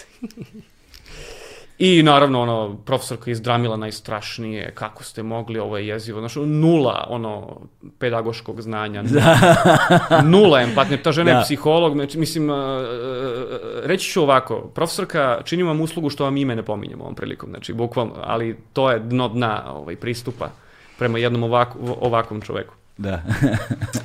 A, možda žena nije živa, bože, šta je? ajde, ajde. ne, ne, ne, ne, ne. Samo se ne zaustavljaj. Ne, ne, nije mi, nije mi, nije mi uopšte žao. A, ovo život je surovo mesto. A, dobijem packu na, na svakom mogućem nivou, na kraju ono sretne me lik koji je u tom trenutku vodi studentski parlament i kao, brate, razmatrali smo da li da ti smanja ocenu iz vladanja na dvojku i kao, studentski parlament te podržao da ti ne smanje. Ja rekao, bravo, svaka čast, mislim, kao, super. Ovaj, I psiholog, ono, u fazonu, jesi ti beše, ono, i već imao neke incidente? Ja rekao, ne, nisam to ja. Kao, pa ne, ne, nešto, nešto je bilo neka tuča. Rekao, ne, kao, džaba mi pakujete, nisam ja, nažalost. Imate posla sa nekim ko je, ono, dobar učenik i kao, ima neki stav. i Kao, jebi.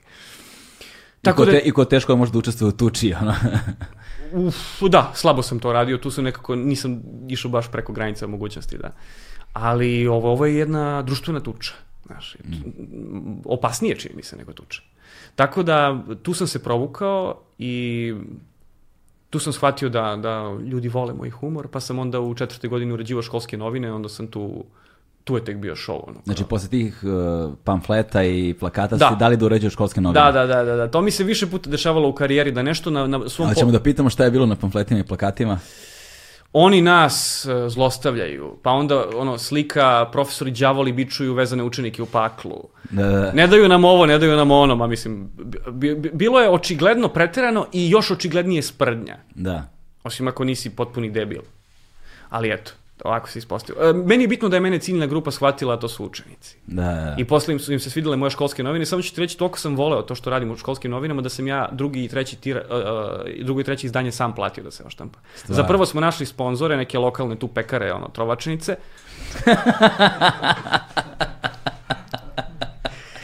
Za drugo i treće nije bilo zainteresovanih, onda sam ja to iz svog uh, džeparca platio, zato što, kao, eto, eto, očigledno više volim da mi se neko smeje nego leba da jedem.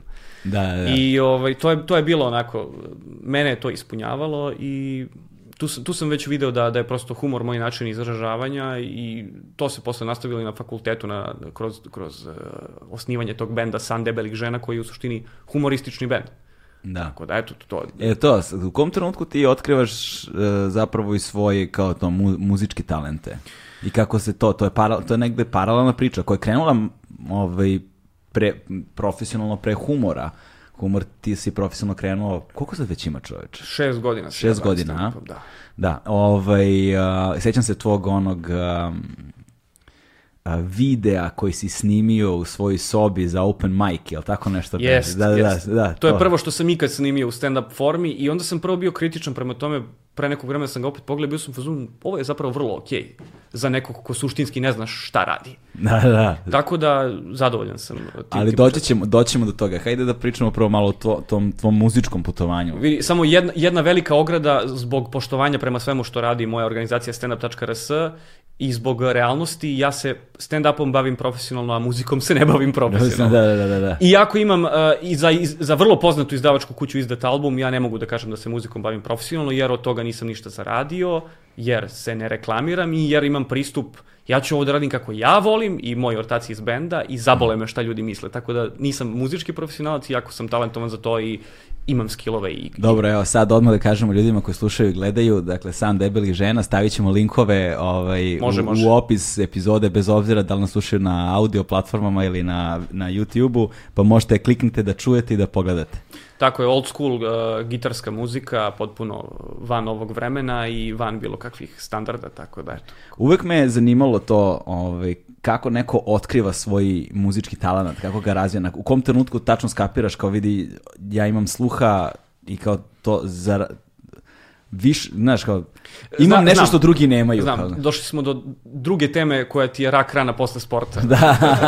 Samo što si se sportom bavio, ovim se nisi, nisi ni, ni, ni bavio. Mada, ja imam teoriju da ti možeš da pevaš, ali neću te, neću te ovaj, masirati s time. Mnogi su probali, znaš, mnogi su probali i, i mnogi su bili u fazonu a, samo nisi dovoljno vežbao, samo niko nije s tobom radio na pravi način, ovo ili ono, bla, bla, bla, činiti se i to je nešto što izgovaraju ljudi koji imaju sluha.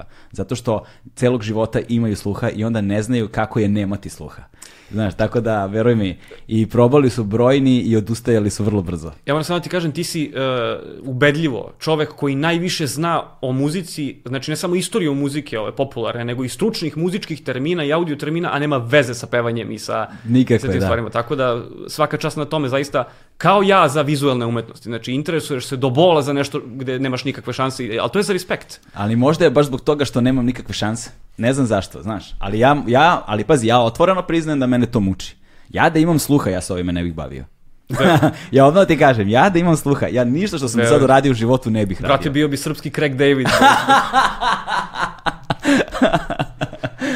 On je pase, brate, još se pretvorio neku ono seljačinu, znaš na šta liči sad lik, ali i muzika mu je katastrofa, ono, taj album, znaš, to se neće ponoviti. To mu je bio ono trenutak kad je zablistao. What's your flavor? Pa mislim, govorim iz, iz vremena kad sam ja tebe prvi put video, kad si, kad si vodio to na, na Metropolisu, to je, to je suštinski taj neki- Brate, 20 godina ima tada čoveč. Da, vidi, e, može da se ispostavi jednog dana da je u tvom e, sećanju kao i u mom da je to najbolje što si radio, znaš. Jer kao nije najskuplje, nije najzahtevnije sve, ali kao što bi rekao Johnny Štulić, zadovoljština. Nekako, to je, brate, znaš, ok, kapiram, to nije ni blizu tvojih dometa, znaš, kao da vodiš neku top listu, ali a, na, na, moju generaciju si dosta uticao. Mislim, e, ti i cela priča u kojoj si bio. Tako Pa da. znaš kako, bilo je, ovaj, da teško je objasniti ljudima, to je bilo pre interneta.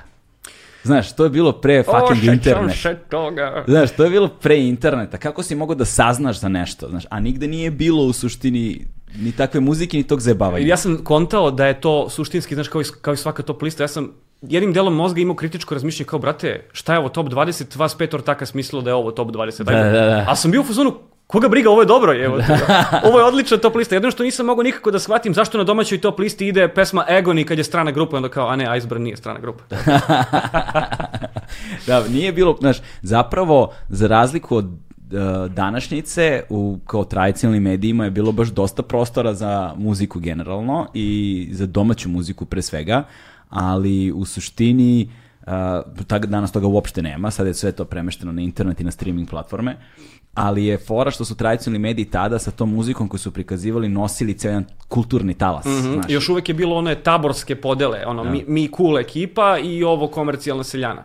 Da, da, da. A ovaj, o tome si baš dosta pričao ovde, pa ne bih dužio Ne bi, o ne tome. bi, nećemo, da. Mada dotič, prosto dođemo na neke stvari, neke stvari prosto Mm. se tiču svih mogućih branči, tako da da, sad se sve stapa u to, ono, imaš pratioce, nemaš, pa i to, znaš, ono, kao narodnjak, rocker, svejedno, ako te neko sluša, ako prodaješ karte, dođi vamo, ako ne, pričaj ti mami tvojoj da si kvalitetan, znaš. Da, da, da, da, da. Ali u to vreme, e, da se vratimo na, na muziku, e, vidi, od malena sam išao na solo pevanje i onda ono, i, pazi koliko je to bilo kad sam ja već sa negde 12 godina, kad moji puste kasetu na kojoj ja pevam sa 7 godina, ja sam već tad imao transfer blam, ono, kao bežim u dvorište. Znači, nije to bilo loše, ali kao, znaš, onaj, onaj dečiji,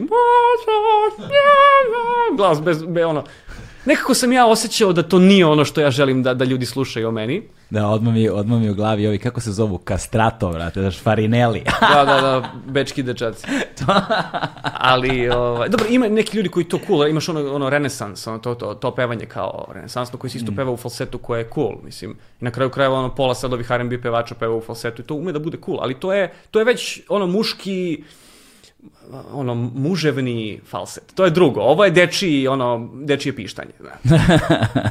Tako da to, to nije bilo cool ni malo, onda sam prešao na akustičnu gitaru, išao sam na časove, nisam bio redovan, to sam nevoljno radio i onda sam negde krajem srednje škole provalio da zapravo mogu da ono sam skidam na, na sluh pesme bendova koje sam tada već uveliko slušao i da komponujem svoje pesme i onda je to išlo prosto nezadrživo u tom pravcu. Onda sam probao sa jednim likom, s drugim likom, s jednom ekipom, na kraju sam našao neke ljude upoznao sticajem srećnih okolnosti, napravili smo taj bend i krenuli smo sviramo ono što bi Da. što je inspirativno nekome ko je brucoš, a formirao se na onome što je vodio Galeb. Da, Znaš, e, a koji si bendove slušao? Ta, prvi bendove? Brate, moje, moje muzičko sazrevanje je tuga. Ti, ja dan danas imam folder muzika na, na kompu koji je formiran negde od 98.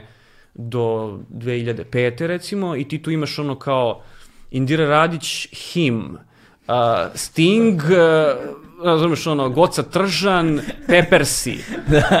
Znaš kao, Da, da, da. Ono, povračaču. Mainstream. Pa ne, ne, vidi, ali nije samo mainstream, nego kao nespojivo u okviru mainstreama, nije samo to. I onda se to negde, pazi, moji roditelji koji pritom su ono... e, ali danas je to fora, znaš. To je sada retro fazon. E, eto, opet smo došli do toga. To, to se sad sve stapa i kao, dobro, to je sad malo iz drugih ono, pobuda, ali... Ja sam čuo da postoje žurke, uh, nisam bio do duše, ali sam čuo da postoje mega popularne žurke, poslednjih već ne znam koliko godina unazad, koje Mhm. organizuju klinci neki, koje se zovu tipa rane 2000-te. Mislim, muziku, bave, prave, prave žurke koje su posvećene isključivo muzici ranih 2000-ih i prave te mashupove ili kao, znaš, ono, puste, ne znam, Nirvanu, pa Željka Joksimovića i kao to je totalno cool, razumeš? To je miligram kad se spoji. to postoji, znaš, kao nisu... Džaba trud. Da, da, da. Ne, o, do, došli smo, to, znači matori smo, čim je ovo naše postalo nekome retro, da. Da, da, da, da, da. I Pri- cool, cool retro. Pritom znaš. ja sam mlađi od tebe, a i ja sam mator, tako Da, da... da, e, šuti, pusti čorava posle. Da, da, da. Ćorava posle, kako da. E, da ali ima još rakije? Ima, brate. Nije da, nije da trošim mnogo, ali kao mnogo je dobra. Nema veze, samo napred. A, znaš kako, a, jedno dete koje je odraslo uz Pinkovaču, jer kao to se nudilo i kao ono OK band i to je kao Đogani. I onda, znaš, e, apsurdno je da su moji roditelji koji To je su to, nema više rakije. živi bili, e, moji roditelji koji su poreklom sa sela ljudi, Uzdravlje. Oj, žibeli, izvini, ja seljak odmah krenem. Samo napred. E, to. Ovo je bilo namerno mikrofon za one koji slušaju. I uradio je Johnny. Nećemo, podrig ćemo da preskočimo. Slušam. Um, od e, te ono te neke ovaj muzičke ekipe moji roditelji koji su imali dovoljno da kaj da kažemo svesti ok, mi ne slušamo ne znam Beatlese ili ne znam, Abu ali kao kupi klincima i kao znaš ulazilo mi je i to uvo i sviđalo mi se i to tako da nisam bio srećom kao dete ono na jednu stranu skroz bačen Onda negde kad sam bio osmi razred sve se pomešao kad je uleteo Eminem, brate. Znači, ono, sa, sa ono, ovaj, Funky G-a na Eminema, ono, opasni prelazi. I onda se to negde sve iznivelisalo, neka tamo 2003. četvrta, tokom srednje škole, znači, uh, s jedne strane uh, Nirvana, Gunsi, Peppersi, Rage Against the Machine, ceo taj fazon, i s druge strane ovaj 43 zla i, da, i da. cela ta ekipa ono South Central Cottage mislim čak ovo drugo možda i bitnije u stvari u kombinacija ovo me odredilo muzički žarnovski da a ovo me odredilo ideološki. Zato što ta priča nekako, mislim i o tome se dosta pričalo, ne bih e, da izbegam ono čemu stvarno ono, da se ne ponavljaš ni ti sa temama, ali zaista ovaj, ta priča koju fura recimo Isaacov prvi album, ono, nigrutinski rečeno, i ceo taj fazon, ali da kažemo da je on gomili ljudi bio ulaznica jer je najprijemčiviji bio, to je zaista cela jedna generacija se u tome prepoznala. Iako niko od nas nije e, ono toliko išao 23-kom i toliko duvao, ja nisam uopšte. Da. Ali sam osjećao da u toj muzici nešto uh, je moje. Mm. Da imam veze sa tim. I moja grupa San debelih žena se zove Te debele žene su uh, light motiv Isaacovog prvog albuma, svako malo ih pominje nešto, mislim, nisam ja to shvatio odmah da je to taj fazon, ali posle jesam shvatio, znači to je nekako ta neka priča, tako da eto, i u, i u moje vreme je još postojala ta neka sinteza svih tih underground žanrova, da to može da se spoji u jedno, tako da eto, ako neko voli da sluša a, muziku gde je ono, ovaj, melodija Cukić fazon, a tekstovi su ono, Nigrutin fazon, eto nek sluša Sandeberg žena. Da, ovaj, ali zanimljivo je, dakle, u tom, ja ne znam da sam to pominjao, vrlo verovatno da jesam, jer ja ni ne pamtim šta pričam, samo verglam, ali um, baš muzika koja je nastala u to vreme, tih ranih 2000 kad govorimo i o toj ekipi koja je bilo i oko SKC i svega, ali ne samo oni, nego na sve strane je toga bilo, ovaj, oni korespondiraju zapravo sa jednim osjećanjem uh, i mislim da je to intuitivno, mislim da to niko nije svesno radio, ali da i korespondira s jednim osjećanjem uh, izgubljenosti i absurda koji smo osjećali praznine koji smo osjećali nakon propalog optimizma 5. 5. 5. oktobra, da. znaš, jer, jer ljudi zaboravljaju koliko je optimizma bilo kad je ono se desio 5. oktobar i evo te, i onda smo živeli jednu fazu optimizma od 5. oktobra do nekdo ubista Đinđića, nakon, nakon, mislim, gde smo opet bili svesni da se ništa ne menja, ali smo kao držali neku nadu i nakon ubistva Đinđića je to sve otišlo, otišlo do đavola. Ovaj, i odjednom uh, uh, se desio ta, taj kao neki ono vakum absurda koji nas je uvukao i to ogromno nezadovoljstvo koje nisi imao gde da adresiraš, a s druge strane nemaš nikakvu viziju o tome, niti nadu uopšte će biti, biti bilo šta bolje na bilo kom nivou i odrastao si celog života nemajući uopšte tu predstavu i onda se okrećeš tome, okrećeš sve iz na, na, na glavačke, znaš. Da, s što je tvoja generacija, mm. uh, ti si od mene stari jedno šest godina, mm.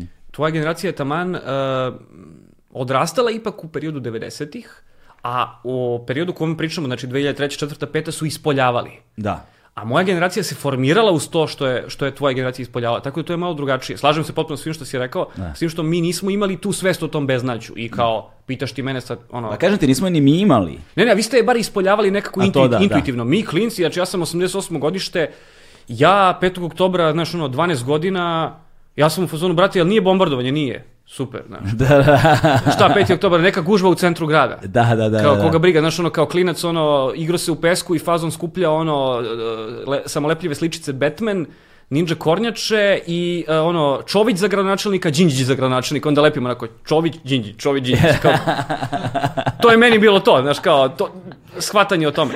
Znaš, ono, ubili Đinđića ja 15 godina, znaš, kao, desete teme u glavi. Da. Ali sam osetio uh, poruku te neke ovaj te tvoje generacije i naravno da nisam da poruka 15-godišnjem klincu koje kome bujaju hormoni nije brate ovo je beznađe i propale nade 5. oktobra nego sam bio u fazonu jebote što je ovo dobro zezanje znaš kao Da, da, da.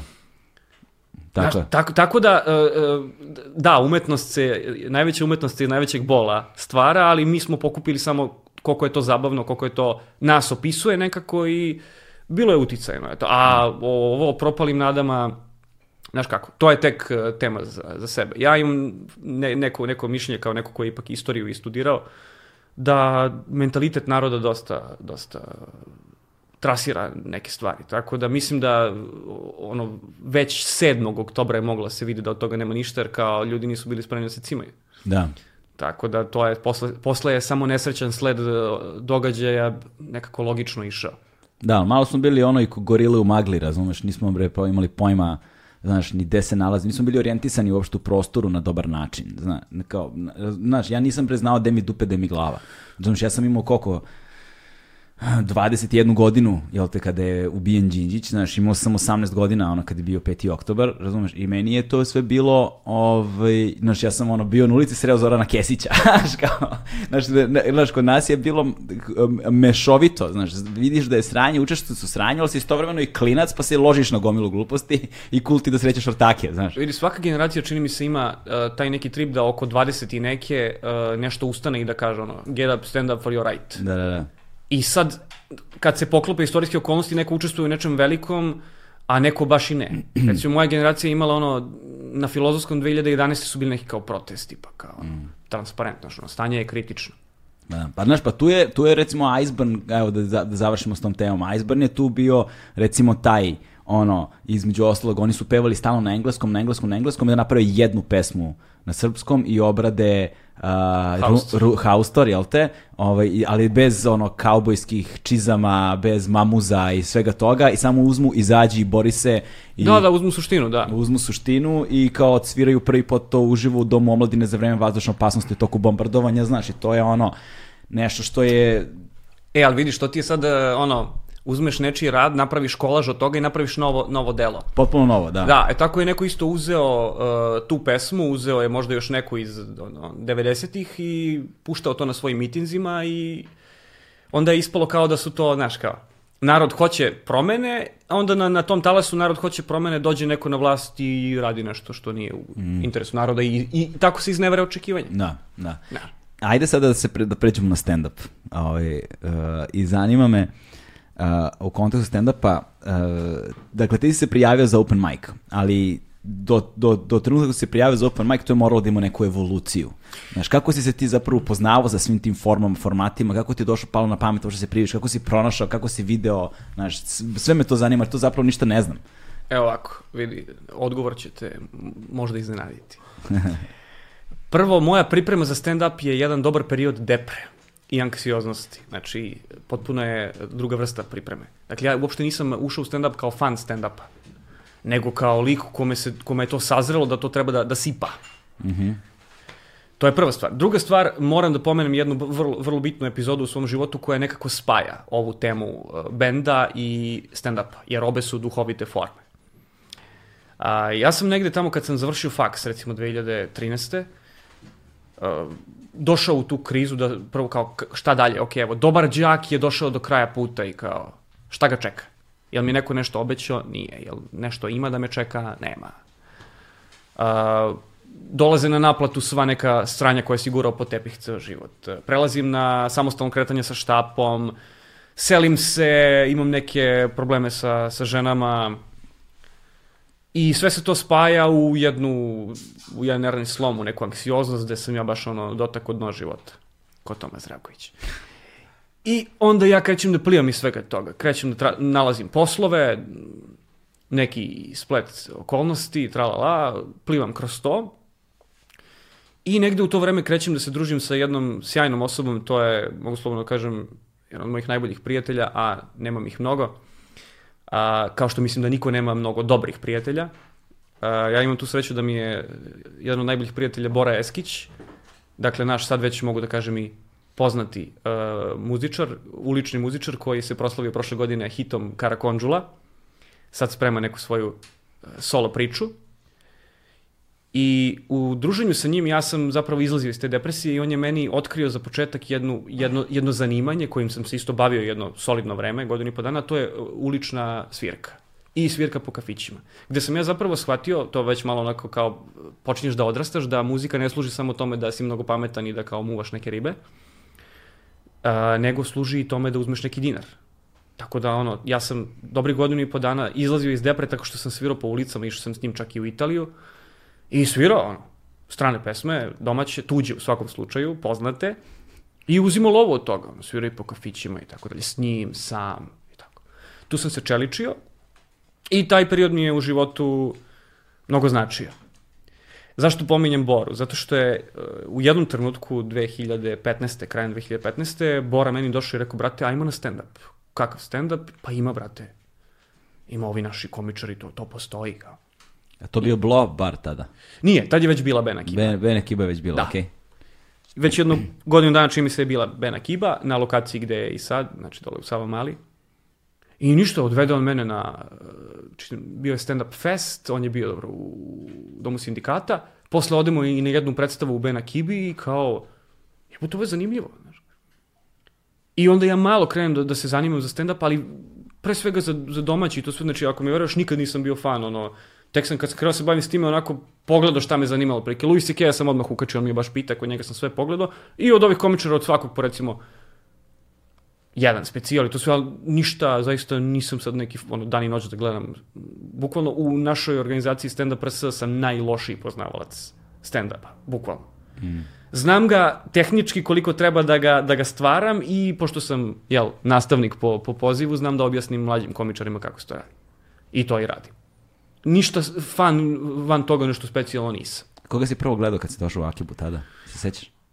Dobro, na festivalu sam ih sve gledao. U Akibi sam gledao Perišića i bio i Nemanja Živanović s kojim ti imaš zanimljivo iskustva. Nemanja Živanović je jedan potpuni ludak, moram da ga pozdravim priliku. Znači, Pozdrav. gde god bio, šta god radio, ludače, znači ti si, ti si jedan nebrušeni biser.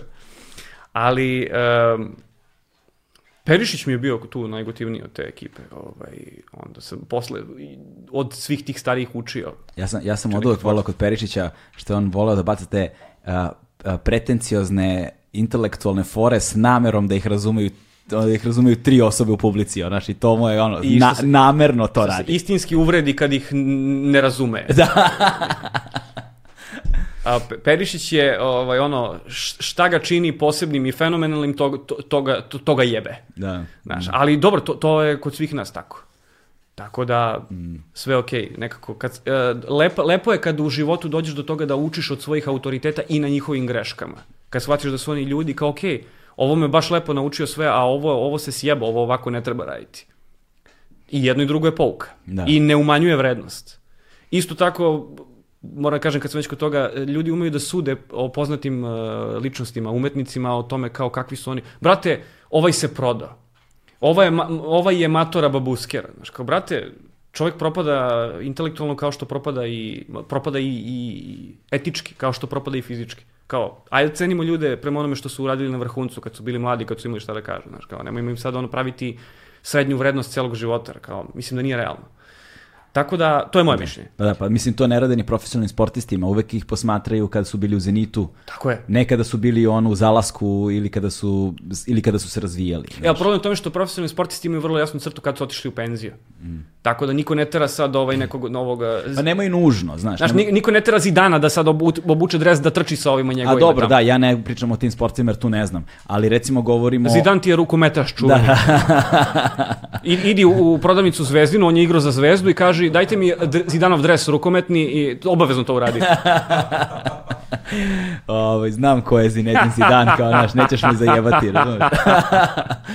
Ali ne mogu da se pohvalim da sam upoznat sa ono, njegovim uh, uh, profesionalnim futbal, futbalskim skorom, razumeš? Sinadin. Sinadin je kidao. eto, To je. Ovaj, ali, ali jasno mi je jer je, jer, je, jer, je, jer je bio toliko veliki da je njegova figura ušla u popularnu kulturu generalno, znaš, tako da, tako da ne mogu da kažem da nisam upoznat sa njime, lagao bih.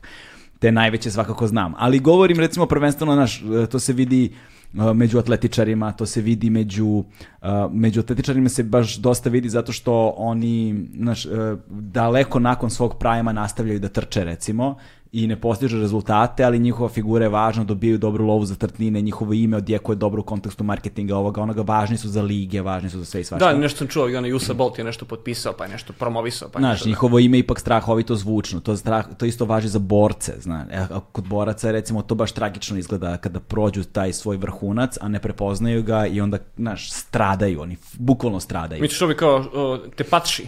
Tepači, tako je, tepači, oni bukvalno stradaju, znaš, i ovaj... Ali treba, treba da znaš kada se povuče, znaš, to je kao Pa da. ovaj, evo sad ovaj Fedor, jel? Da. Koliko čovjek, 45 godina, došao, bum, bum, i to je to, doviđenja, vidimo se. Pa znaš šta, zatreba im lova vrlo često, znaš, je dugo godina, osim boksa, profesionalno borenje nije zarađivalo nikakav novac i dalje te lige nisu, um, nisu fair u tom kontekstu, znaš, tebi prvih top 5 zarađuje ono milione, ovi ostali jedva preživljavaju. Dosta poznaješ, poznaješ profesionalni sport za nepoznavaoca Ne, profesionalnog znam ove, znam borce, znaš, Ne, znam, ne, znam okej, okej, i ali ne, ali ne pratim MMA, znaš, nekada sam boksovao pa kao, ovaj, znam boks, trenirao sam atletiku pa kao znam atletiku, ali opet to su sve neka imena koja znam iz tog perioda, ne znam sad ova moderna. A jesi sprinterske discipline? Znaš, Ne, ja ta- sam 800, 800 metara je bila moja glavna disciplina. Dobro, trčanje svakako, Trčanje, da, da. da. da. Kontaš rasne predrasude.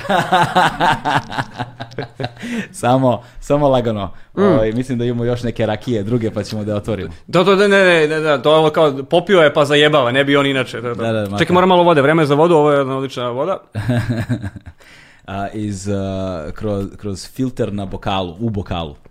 Tako je. Česmovača kroz a, filter provučena. Od filtera dva putića, ali um, da se vratimo na stand-up, da, imao, imao sam svoje uzore i... Uh, Vjerojatno ih imam i danas, ali može Da- čovjek da, da, da je imao uzore da ih nema, a? Ili to ostaje kao... Pošto, Pa, može, može, može, može, zaista može. Domaći brend garderobe Legend Worldwide je prijatelj Agelast podcasta na audio platformama. Znaš, meni je u, u životu, generalno mislim da je to za svakoga važno, da ljudi koji su, da imaš idole koji onda oboriš.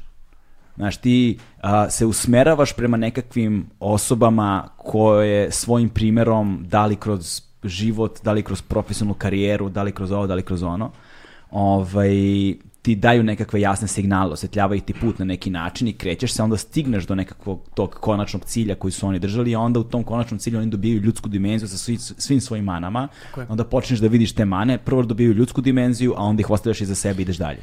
I dodao bih još jednu stvar, uh, shvatiš da ćeš i ti tako isto da prođeš. Dakle, nekome Da, ćeš da. biti uzor, onda ćeš uh, nekome biti samo čovek, Mm. Odnosno pre svega čovek i uh, jedna stvar koju shvatiš to je da ćeš se i ti promeniti. Znaš kao, nema šanse da, da, da ćeš biti isti i nema šanse da će sve biti kao što si zamislio i to onda dobije čovek širinu svakako. Dakle, raz, razumevajući druge, razumeš i sebe. Mm. Tako da, to je, to je super stvar. A, naravno, neću sad da, da zvučim kao neki uobraženko koji je sad kao imao uzore, pa sam ja sad svu pamet posisao, ja to sad samo, Ne, samo sipam. ne, ne, ovo je više ljudska priča zato što uh, mislim da, da danas možda više nego ikada pre, pardon, ali je i pre to postojalo, uh, juri se, traže se dve stvari, uspeh i poštovanje. To su dve stvari za kojima svi jure. A da bi se postigli uspeh i poštovanje u ovom um, um, Ludom sve. da, ovom, u ovom globalnom tržištu, da kažemo, sam, samim tim što je tržište globalno, onda je globalna konkurencija. Mi posmatramo uzore koji su globalni, znaš, kao muzičar se ugleda na svetske muzičare, ne samo na lokalne. Ovaj, I svi sanjaju, da, ba, važno mi je da budem popularan i veliki tu odakle sam, ali bih isto tako i voleo da sam svetska zvezda. I onda u tom kontekstu, posebno recimo profesionalni sport je recimo odličan primer, za to, odlična analogija za to, zato što ti da bi bio konkurentan, ti moraš da treniraš, je tako? Pod pretpostavkom da posjeduješ ono individualni talenat, da imaš sve preduslove, finansijski, ekonomski, tako dalje. Porodicu, šta ti ja znam. Dakle, ti moraš da vežbaš, ali onda ih ima x, y na planeti koji isto tako vežbaju, što znači ti da bi bio konkurentan među njima moraš da vežbaš više od njih. Duže od njih, frekventnije od njih. Ali onda i oni svi to to rade. Razumeš? Isto tako, duže i frekventnije. Gde je tu vreme za kafanu? Tako je. I onda ti moraš da bi bio konkurentni, mora počneš ranije. Znaš, a onda će i oni da počnu ranije. I onda se profesionalni sport dovede do toga da ti ako hoćeš, posebno u individualnim sportovima, da budeš veliki, ti bre moraš sa 4-5 godina da uzmeš, ne znam, reket u ruke. Znači, svi ti profesionalni sportisti, na primer, a, a, znaš, kad smo mi išli u grad, kad smo išli u kafanu, kad smo išli, oni su išli na trening. Kad smo išli, ne znam, na, na ono, izlaske sa devojkama, oni su se vraćali iz treninga, znaš. Tako da, a, gube detinstvo, gube odrastanje, gube tu neku širinu. Ja sam isto tako odrastao. Kao Nole, samo nisam trenirao tenis. Da. Ka, ka, svi u grad, a ja... Svi s devojkama, a ja... Eto sličnost. Ovaj, I onda se, i onda, znaš, kada izgubiš uh, sve te aspekte, uh, ti postaješ profesionalac, i to se dešava i sa drugim oblastima, i u poslu, i u svemu. Postaješ profesionalac izuzetna osoba u jednoj stvari. Eventualno dve, ali to je već ludilo, ali ostali aspekti tvog života su atrofirali. I onda kada prođeš taj prime, što kažu, kada prođeš taj svoj vrhunac... Taj prime. Da, da. Počeš ti da mi prime. Da, da, da, da, to, ti eksplozivi, B, P, D, T. E, ovaj, kada prođeš taj vrhunac, onda se teško suočavaš sa onime što sledi u tom zalasku karijere, zato što nisi razvijao ostale aspekte sobstvene ličnosti. Znaš, i mislim da je tu važno kada razumemo taj put, to, ono, imaš idole, pa ti idoli dobiju ljudski oblik, pa ti nasljedaš dalje, pa onda skapiraš tebe čeka ta ista sudbina. Ali to je samo da bi čovjek imao uh, o čemu da pati, za čim da, da, da, da žali. Znači, jer to svakome treba. Znaš, zamisli da je neko skroz uspešan i sve uspeo i onda nema ni za čime da žali. To je isto jedna, jedna emocija koju svako mora da ima. Mm. Znaš, tako da, znaš, uh, lakše će neko ko je ono postao svetska faca i ima ono vilu na moru, dok sedi na terasi, znaš, onako setno žaliti za time što nije baš pio pivo sa 14 godina. To je ipak malo lakše nego da si neki tamo ono junkie koji ono, ništa nije uradi. Ili još gore, ne junkie, to je još i čista situacija, nego da si neko ko je ceo život nešto verglao, a ništa nije postigao. Tako da, neću da kažem, svakome je njegova patnja najveća. Samo što i e, kad je čovek veliki, onda je i njegova patnja velika, znaš, zato e, bogati ljudi otvaraju fondacije. Mm. Jer on kroz tu fondaciju u koju već oblasti hoće, on tu ispolji sve što mu je falilo. Pa onda od toga i drugi imaju koristi, pa još ispadne i dobar tvor. Pa sad imaš ono kolarac, šta mi znamo kakav je bio kolarac? Vjerojatno bio Mišković, ono, 19. veka. A brate, kolarac, Bista tamo stoji njegov dobar čovek. Ostoji Nikola, Nikola Pašić. Da, da preskočimo. da preskočimo. Znaš, a, a, Sad ovo, ovo, ovo što ću reći uh, automatski, ja, ja volim da, da govorim stvari koje mi ubijaju ono, viralnost. Da, da. Ali, znaš, Nikola Pašić ti je kao, kao Milan Mladenović. Znaš, ono, kao, postoje velikani koji su već zakucani u zvezde i nema kritičkog pro, promišljanja o njima. Kao, tako da, čak i ako, ako, ako legitimno mora da postoji. Da, tako to, da, to se zove kanonizovanje. Respekt za Nikolu Pašića. Ovaj, uh, da se vratimo mi na stand-up. I ti sviraš uh, po kafićima i na ulici sa svojim drugarom? I u jednom trenutku ja... Ov... Koji te odveo da vidiš uh, Perišića, je li tako, u Akibu? Ta, ta, ta.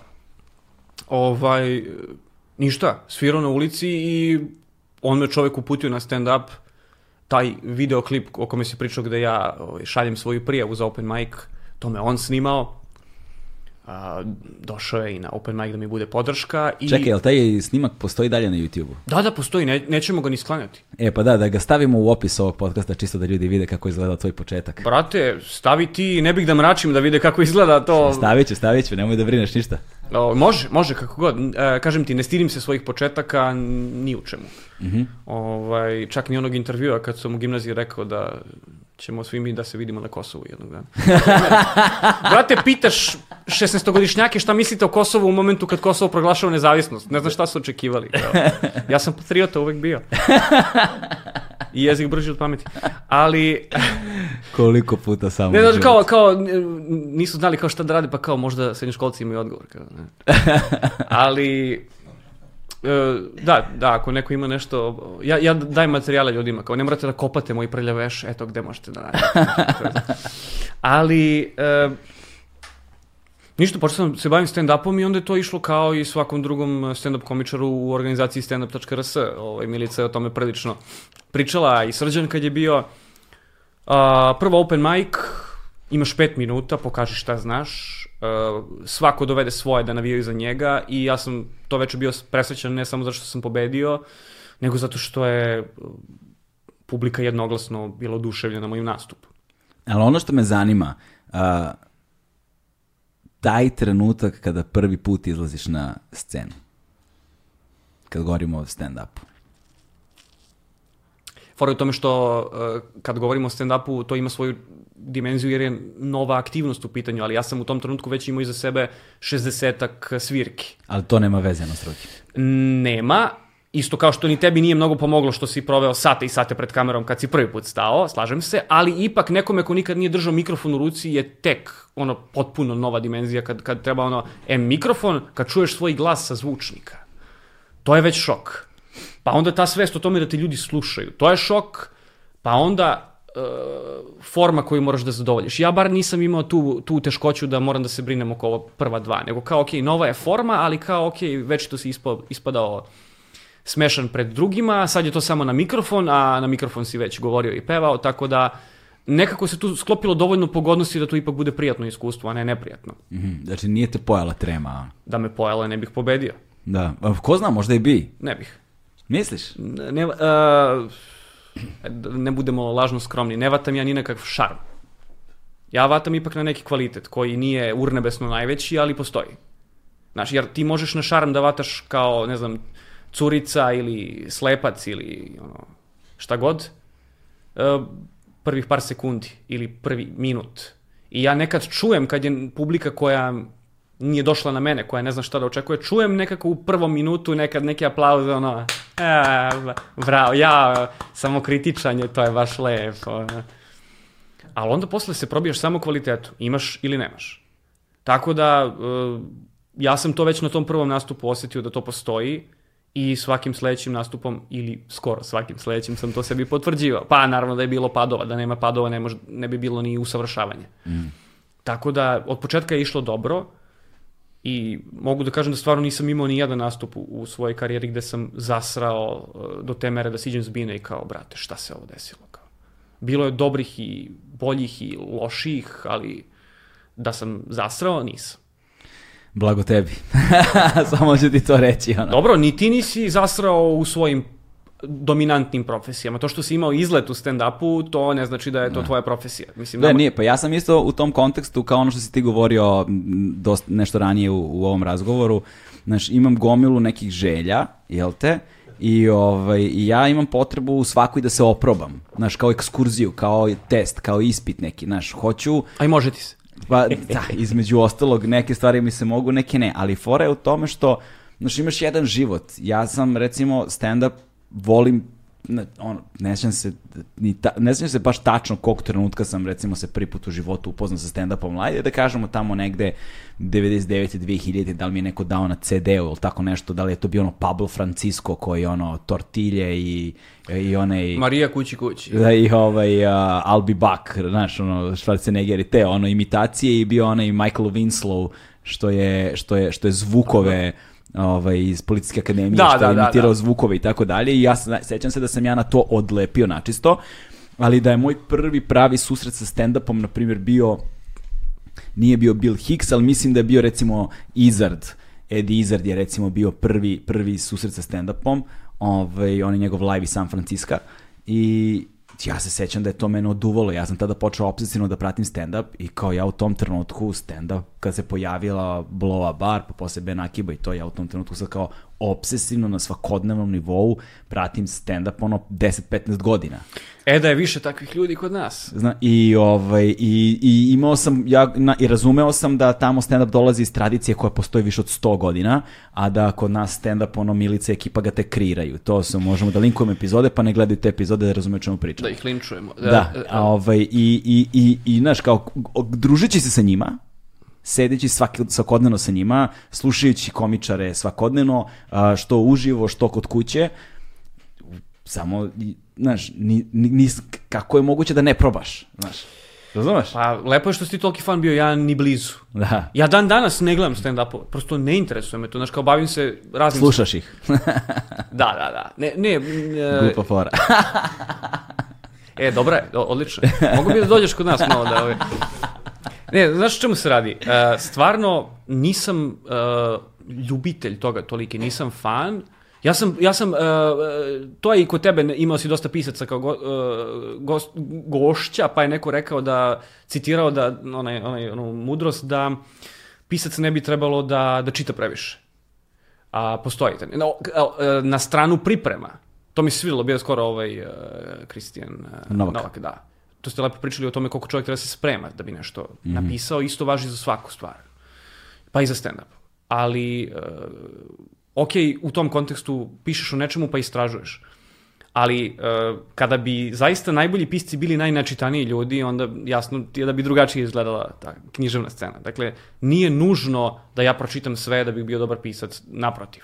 Isto važi i za, i za stand-up i za muziku. Ja ne moram da budem ono rock enciklopedija da bih imao uspešan rock band, ne moram da budem dobar komičar da bih, uh, odnosno ne moram da poslušam sve stand-upove sveta na engleskom jeziku da bih kreirao stand-up na srpskom jeziku. Mm -hmm. Dovoljno je da poslušam uh, reprezentativni uzorak da vidim kako se posao radi. S sve ostalo je moja impresija i moja autentičnost i to je to. E sada, tu dolazi do odstupanja malih. Uh, reprezentativni uzorak je vrlo širok pojam.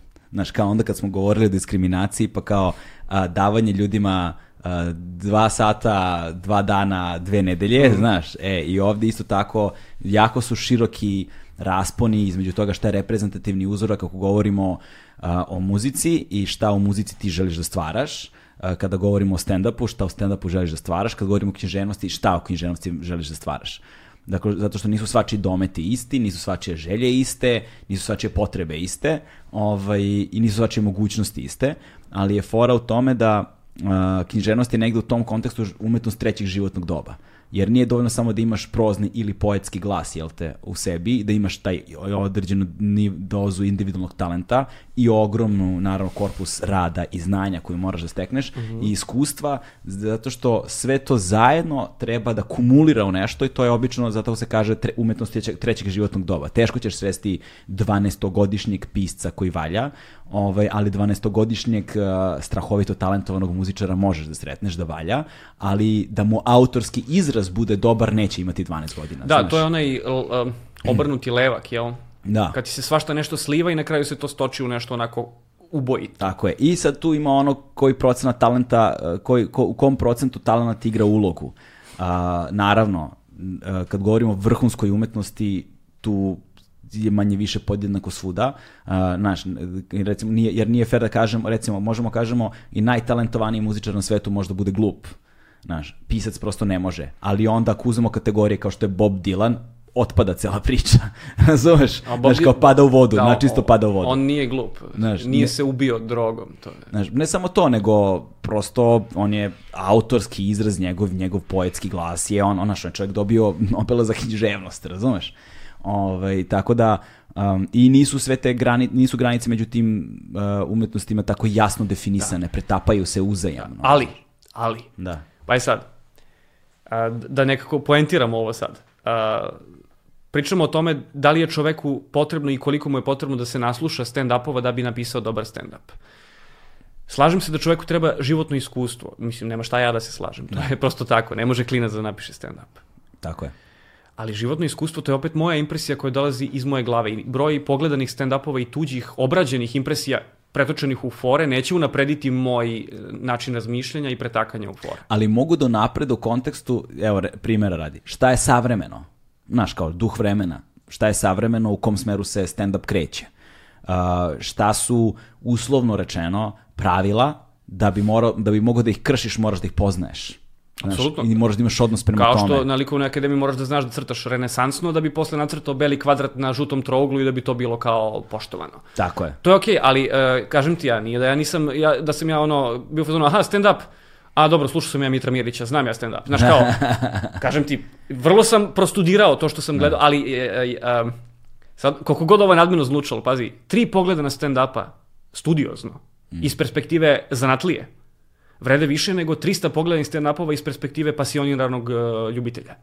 Znači, da. ja jednu foru vraćam po tri puta, a kako majstor radi, vidi, vidi pauza ovde, vidi ovde udah, vidi ovde, znaš. Setup, punchline, Tako da ti, da. U, znaš, u, ti u jednom Louis C.K.-evom nastupu i u jednom nastupu Srđana Dinčića, ako to iskombinuješ, ti imaš skillove da, da uradiš celu karijeru, samo ako ih čitaš na pravi način. I recimo jedan Norma McDonalda čisto Recimo dobiješ... i jednu ženu uzmeš, da. da, da vidiš malo i ženski ugao i uzmeš jednog nekog a, koji priča na engleskom sa, a, a nije sa engleskog govornog područja, i uzmeš jednog recimo nekog tu e, iz Beograda ili iz Zagreba koji se još nije probio pa je kao nastupa pred manje ljudi, ima neke možda malo lokalnije teme i to je dovoljan uzorak. Ja sam ti primjer da je dovoljan, mislim, znaš, kao, da. evo došao sam do drugog one mena i pre prvog sam imao materijala kad se sabere možda za još jedan ceo, tako da ne bih opstao sve ove godine na ovom surovom tržištu.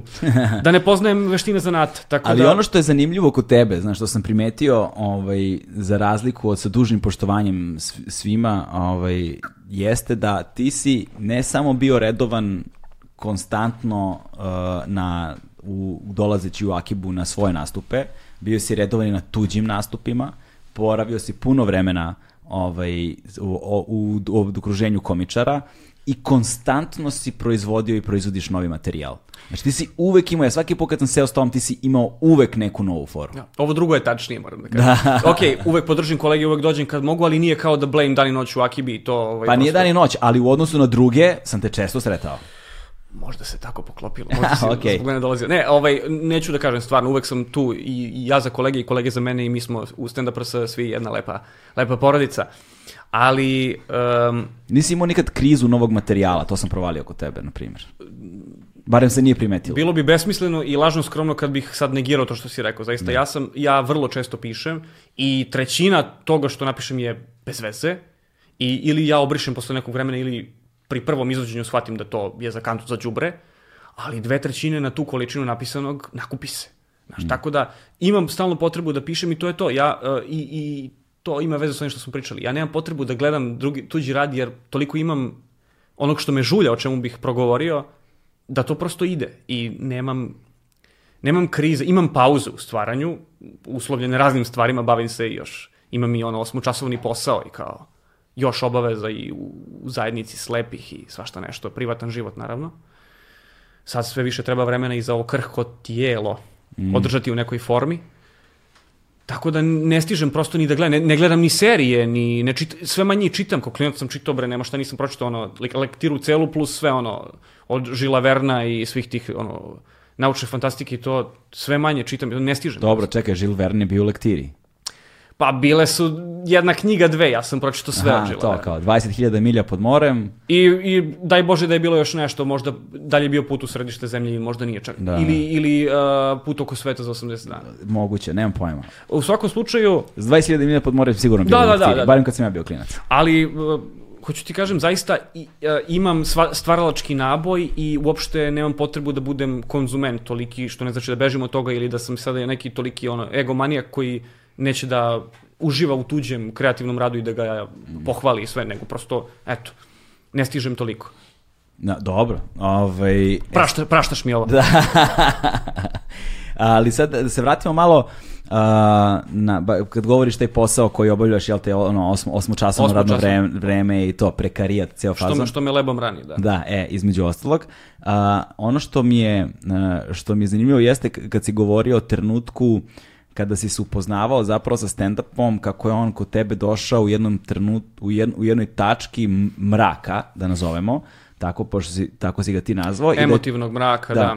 I da si ti u tom periodu u stvari a, nekoliko zanimljivih stvari si rekao, znaš, osamostalio si se u kontekstu a, kretanje sa štapom. Mhm. a, dakle, ti si, nisi, mislim, moraš da me uputiš jer ne znam šta znači te stvari. Šta, šta, šta znači ta tranzicija emocionalno, psihički, To ti je, Bukvalno. To ti je e, Neo progutao pilulu. To je ta scena, to je ta tranzicija. Znači ono, potpuni šok, potpuno novi, novi kako si se kretao pre toga?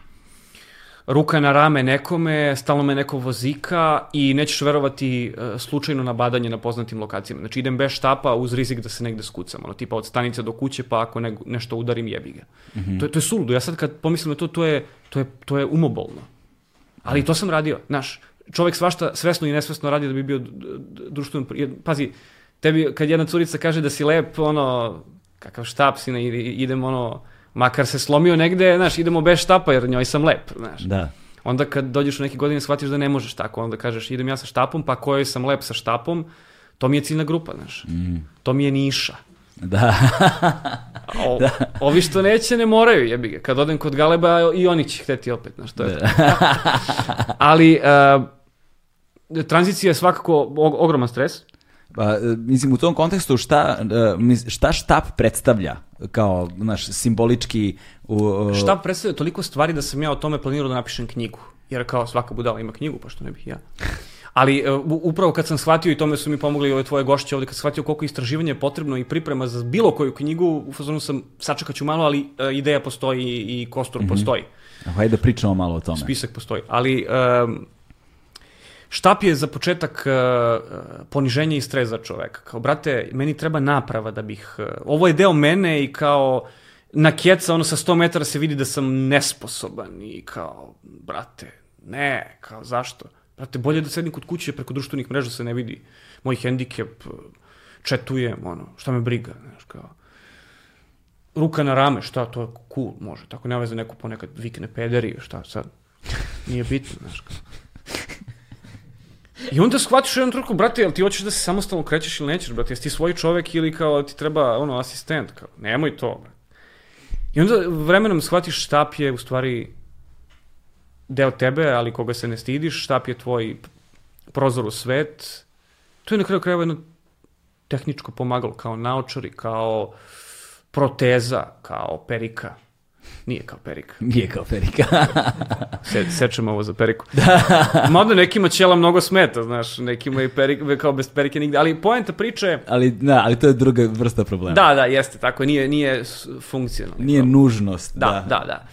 Tako da, e, ta, ta tranzicija da ti prihvatiš da, da sad svima izgledaš kao slepac, zato što to jesi. I da toga ne treba da te bude sramota, nego da prosto, ne treba sad ni da se ponosiš time, jer kao, to je faktičko stanje, to je tvoje lično svojstvo, što bi rekli u zakonu. To prosto, e, e, meni je sad lako da pričam o tome i da se sprdam s time. U tom trenutku to je onako stres za čoveka. E, I to, e, da stvar bude još zanimljiva, nije stres zato što ti imaš lažnu predstavu o tome kako te drugi vide, nego zato što imaš pravu. Mm. Ti znaš da te oni ne poštuju, da te saželjevaju, da te smatraju nesposobnim da ono sedneš. I samo je pitanje koliko ćeš brzo da shvatiš e, i da kažeš pa zabole me. Ok, ni, e, to je tako, ali kao, ajde da vidimo šta može se uradi u ovoj situaciji. Mm. Tako da ta tranzicija je vrlo, vrlo e, oduzme kilo živaca u životu, ako se ona poklopi još sa nekim drugim tranzicijama u životu, dobiješ taj mrak u koji sam ja upao. Mm. I iz njega me čupala muzika, čupao me stand-up, čupala, čupala me čupali su me neke radosti iz privatnog života, e, podrška porodice naravno sve vreme, koju nikad nisam ni, ni prestajao da imam. I ti drugi poslovi kojima sam se bavio. Kaži, ja sam tri zanimanja promenio, znači ono, bio sam i nastavnik, pa sam bio i projekt menadžer, po tim udruženjima pisao projekte, sad radim, radim u državnoj upravi, tako da, znaš, ono, kad završiš časovni posao gde te ljudi poštuju, gde radiš nešto korisno i primiš platu za to, svakako se osjećaš dobro. Mm. Da. A u to vreme si takođe se osamostaljivao i uh, na, na planu ono životnog prostora. Znači ti si počeo da živiš sam. Da. I to je meni isto bilo stresno zato što u tom periodu ja, ja, ja sam razmišljao o jednoj stvari, ne znam da si ti nekada o tome razmišljao. Postoji brdo ljudi koji nikad u životu nisu živeli sami. Tako. Znaš, kao sa majke direktno prešli na ženu, Da, to ima baš mnogo. I kao sa kašike na kašiku, znaš, i kao i to je to, do kraja života tako. Ja, ja sam imao to iskustvo da... Među muškom populacijom ima zaista mnogo, da. Da, da, da. Ma da boga mi ima i među ženskom. E, ovo je unisex tema. Dakle, da, da, jeste, jeste. Sad, što više razmišljam, sve mi je da, ono, da, da. Nije mi sad poenta ono tatine, čerke, mamini, sinovi, nego samo prosto nemaš iskustvo, uđeš u stan i sve je onako kako si ostavio, stan je prazan. Mm. Jer, uh, Ako si bacio čarape na pod, došao si kući, čarape da, su dalje na podu. Pritom, pritom nebitno je kao jebote čarape na podu. Da. Ostane one dve nedelje, nije to bitno.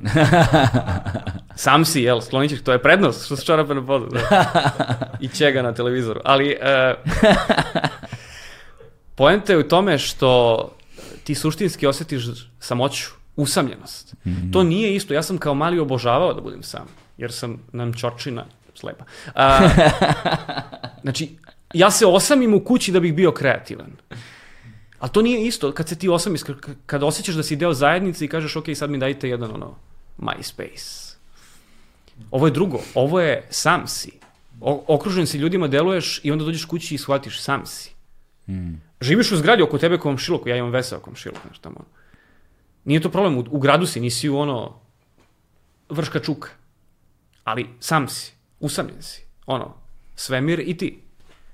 i sa svim svojim ono demonima i kao e, kosturima iz ormara i e, stvarima ispod tepiha. Mm. To je zajebano, znaš, mnogi ljudi to nikad nisu iskusili, koji imaju i manje i više problema nego ja. Tako da, e, to je jedna zanimljiva situacija koju ne bih preporučio ljudima baš da se čeliče ako ne moraju, ali kad se desi nije smak sveta. Ja sam imao tu teškoću da se to desilo baš kad su i ostale tranzicije bile aktuelne, tako da sam to, kroz to malo teže prošao, ali, bože moj, to se prevaziđe na kraju krajeva, posle sam i bio u nekoj dužoj vezi, pa se i to izregulisalo. Evo sad opet živim sam, nisam usamljen, imam, imam drage osobe na svim poljima, moram da kažem, ali opet živim sam, ali više nisam usamljen. Tako da, to sam prevazišao, znaš, ono, okošta čovek mm. i nauči i, znaš, što je dobra stvar u životu? Što ne možeš dva puta da se razočaraš u istu stvar. Da. Možeš samo jednom i onda ti ogrubi malo čulo za to i nikad više to nije ona dečija iskrenost, ali ne možeš i da se sjebeš. Ove, a osim ukoliko, nis, ukoliko nisi dovoljno razvio emocionalnu inteligenciju uh, i u, možda se razočaraš iznova i iznova kroz raskide. Dok ne naučiš. Mm, Ali i to dođe prilika Svaki put je koža malo deblja. Ne boli isto. Da. Kao i za sve. Tako da, uh, prošao sam i kroz to. Da, jednom boli katastrofalno. Prvi put je najgore. Da, prvi put za, je za najgore. sve, da. Posle klizne.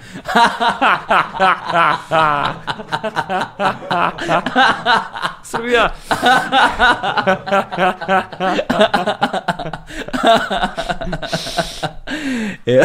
Ova fora je previše smešna. da, Da bi bila ne bazirana na iskustvu. da. Između ostalog, da. Tako da ide se kroz to, brate, nekako pliva se i nikad čovek ne bude onaj stari. A ne treba ni da bude. Koja je poenta protoka vremena da, ka, ako si onaj stari? Ne, novi si, kao stariji, sjebaniji i nužno iskusniji, što bi rekao pesnik. Da, da. E sada, a, samostalan život a, u tvom kontekstu pretpostavlja određenu vrstu, ono, kako si se tehnički adaptirao na samostalan život a, u, ono, u stanu si, pretpostavljam, bio u zgradi nekoj. Da, da, još uvek sam u zgradi, Da. preferiram zgrade, Da. minimum kuće. Minimum kuća, da. A, vidi, da preskočimo tehnikalije, jer kao ne bih da se pretvori slepački vodič, Da. Uh, kućni poslovi su najmanji problem. Mm. Sve se to taktilno reši, uh, uz neka prilagođavanja manje ili veća ili nikakva, prosto. Da, ima i oni neki, ja mislim da se za Al Jazeera radio neki poludokumentarni Da, da, da, nešto, pa, da, da, oni pobjeđuju. Ja da, sam- tako nešto, pa ko hoće nek pogleda na Al Jazeera uh, u, u, to što se tiče tih tehničkih te, tehnikalija. Koliko sam se tu nalupao, bože. Ne, to ti je intervju u kome ja uh, pričam punih usta, jedem kajganu i pričam punih usta. To je nevjerojatno. Ja da li, da li je to neko radio, bože. Debilizam. Baš te briga. Ali um, kućni poslovi uopšte nisu problem. Uh, problem je samo ovaj moment o kome smo već pričali, dakle, samo u kući. Znači, bukvalno treba se snimi psiho-horor samo u kući gde se niko te ne napada, samo si sam. I kao šta se sve dešava u mozgu, znaš, to je samo u kući. Home Alone, ono, za treću razvojnu krizu. Da, da, da. Tako da ni, nikakav to problem nije u Zvuči kafkijanski prilično. to, pa to, to, to, to je da, 20. vek totalno. A nije to nikakav problem. e, Tehnikalije i to najmanje. E, Tu bezbednost nije ugro- ugrožena, ono kao ako isključiš ringlu, sve je okej. A i ljudi koji vide, zaboravili da isključe ringlu, pa ne zapali se svakome stan. Tako da, mm, nije to, nije to stvarno problem. E, Veći su izazovi na ulici, gde je bezbednost ugrožena, i u radnom okruženju gde se postavlja pitanje da li ti zbog, samo zbog svog hendikepa ne možeš da budeš efikasan u nečemu što ti je zadatak. To, je, to je problem. I kad se taj problem prevaziđe, onda, onda je olakšanje. Ne, a sad koliko u kontekstu onoga što ti radiš, a, sad, znaš, sama, sama tvoja prisutnost u javnom prostoru, znaš, sama tvoja pri- prisutnost u javnom prostoru, tvoje delovanje, ti takav kakav si, koliko to znači a, za zajednicu u kojoj učestvuješ, zna, u udruženjima, ne znam, slepih i slabovidih i tako dalje. Mislim, prosto moram da pitam zato što ne srećemo se zaista često. Nije, znaš, nije, nije nešto što je dnevna tema, nedeljna tema, mesečna tema, nije nešto što je prisutno u javnom Nažalost. prostoru. I onda hteo ili ne, znaš, A, a, no- a ne, a ne, nosiš, znaš, negde to breme, kao, to je sad negde uh, jedna od dodatnih znaš, odgovornosti, Yes. nazovimo tako, koje ti tako imaš. je. I od koje ja ne bežim. Ja sam čak i u upravnom odboru Gradske organizacije Slepih Beograda sa e, ozbiljnim šansama da tu preuzmem u jednom trenutku voćstvo, tako da... Ne, pa to, reci mi nešto više sad i o organizaciji, o strukturi, o tome šta radite, na koji način, sa čime se borite, suočavate. Znaš, meni je malo teško, iskreno, a, i da f- o, ono, postavim pitanje jer nemam dovoljno informacija da formiram mišljenje. Samo ti postoje pitanje... Razumeš da ću ti kažem, znaš? Vidi, e, lako, Trudim se kao. Ne, ne, i ja se trudim da, da budemo samo u granicama onoga što je ljudima eh, korisno, zanimljivo i što može nekome nešto da znači. pa da, tako je. Imaš uh, udruženje građana kao, kao forma postoji i u zakonodavstvu Srbije, znači ja, ti i snimatelj možemo se udružimo i da napravimo udruženje građana. I to naše udruženje građana od tri građana i udruženje građana od ono 100.000 članova je udruženje građana. Da. Tako da postoji ud- udruženje građana koje se zove Savez slepih Srbije i ono e, je sastavljeno od mnogo manjih organizacija koje su gradske, opštinske, međuopštinske. Jedna od njih je e, Beogradska organizacija. Da, ja znam, ja sam tamo, pošto ja sam ja imam u kuću Vojvode Stepe, pa sam, znam, znam da sam vidio u Vojvode Stepe tamo blizu autokomande da ima neka organizacija. Ima udruženje studenta sa hendikepom. E. To je isto udruženje građana i ime im kaže čime Da, se bave. da. I to, bio sam i njihov član dok sam bio student sa hendikepom. Tako da, e, eto, to ti je prosto jedno od udruženja koje funkcioniše kao i sva ostala, to znači pišeš projekte, do- doniraj, ono, donatori su ti Republika, grad Beograd, i, e, strane fondacije. Ali I- konkretno uloga koju ti nosiš sada unutar tih udruženja Pa eto, e, i kao, i kao osoba koja se nalazi u javnom prostoru. U, u okviru udruženja učestvujem u donošenju svih bitnih odluka, jer sam član upravnog odbora i uređujem zvučni časopis Naša riznica, gde obaveštavam slepe korisnike na mesečnom nivou šta je najvažnije, jer ima dosta onih koji zaista... ono, Član Saveza slepih uglavnom postaješ tako što amatoriš i oslepiš. Da, Mm. da, tako da imamo i dosta ljudi koji ne izlaze iz kuće i za njih treba napraviti neki audio format gde se neke aktuelnosti prave i sve. Ali ovo omladina, ono, kidaju, znaš, ono, društvene mreže, najnormalnije. Imaš slepih na Instagramu, znaš, kao. Tako da njima ne treba moje informisanje, ali ja za ove što su malo old school pravim taj zvučni časopis. Tako da tu su moje uloge i one će biti sve veće. Što se tiče mog delovanja, i član sam još nekoliko udruženja, mogu da pomenem, gledamo srcem, akcije za slepe, to su, dakle, iako postoji Savez slepih sa svojom strukturom, koja je vrlo ovaj, razvijena, ne baš mnogo efikasna, nažalost, zbog raznih faktora, ali razvijena ima već neku tradiciju više decenijsku. Postoje legitimno udruženje građana, znaš ono, skupe se tri slepca na prvo udruženje slepih, mimo Saveza slepih. Da, da. To, legitimno kao što je sloboda udruživanja ustavom zagarant- zagarantovano pravo. Tako da ja sam član nekoliko tih udruženja i tamo sam aktivan koliko stignem i delujem u javnom prostoru kad god mogu. A što se tiče toga koliko moj život i ova moja pojavljivanja doprinose, pa znaš kako? I, i, i kad, smo, kad smo bili prošle godine kod, kod Ivana Ivanovića gosti, mi iz stand-up prsa, ja sam rekao nešto što odavno mislimo, to, to ću samo i da ponovim ovde kod tebe, jer zaista to je istina. Ja, ja e, e, kad nastupam javno, ja stvaram sliku o sebi. Znaš, i onda meni ljudi kažu, jao, pa vi, zapravo vi slepi ste cool. Ja kažem, pa ne, ja sam cool. Znaš, ti, ti ne znaš kakvi su slepi. Ima ih i ovakvih, ima i čemer i, i, i boljih od mene, uspešnijih. Možda ne ovako lajavih, ali uspešnijih da, vrednijih, šta ja znam.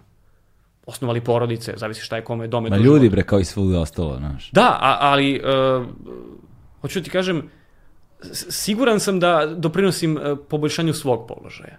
I da ovo što radim sigurno ne može da bude loše za moju zajednicu. Ali da mi bude u fokusu sad da ja nešto ispravljam krivu drinu, znaš, ne ide to tako. Zato treba malo više udruženih ljudi, malo više love, Da, malo, da. malo E više sad, svega. u kontekstu toga, se, koji su najveći problemi sa kojima se suočavate kada govorimo o ono udruženju, u zajednici, na, znaš, kao, koji su ono hronični i akutni problemi? Kao i u svim udruženjima nesloga, uh, igranje politike oko mrvica i uh, uh, neaktivnost ljudi. Neaktivnost ljudi je glavna stvar, u stvari. Znaš, iscimati se za nešto je veliki problem kod nas Srba. A, to jeste, I, to je I kod nas sa hendikepom i kod nas bez hendikepa. Tako da, to ti je suštinski problem, a, ovaj, što je s jedne strane dobro. Jer to znači da kad je takva atmosfera mrtvog mora, ako se par likova skupi i malo više se istima, može napraviti nešto što će da odskoči. Da, da, da. Tako da eto, eto šanse za nekoga, u čemu god. Ovo je baš onako generalni, generalni savjet. Tako da to je glavni, glavni problem. A ovako pojedinačno, pa pazi, zavisi od posla. Ja se kaž, kad sam radio u školi, glavna tehnička e, stavka mi je bila kako upisati dnevnik. Mhm. To pomogne mi neka koleginica i evo pozdrav i za, i za koleginicu Marinu iz, iz škole u kojoj sam radio. Koji si školi radio? Radio sam u turističkoj na Zelenom vencu. Dakle, srednja, ovaj, stručna škola imaju dve godine samo istoriju, rekao bi čovek ono, najbosi. Da. Ali nije. Super sam radio s decom, nisam imao nikakav incident. Sitnica neke dečije, nešta, nestašluci, ništa neobično.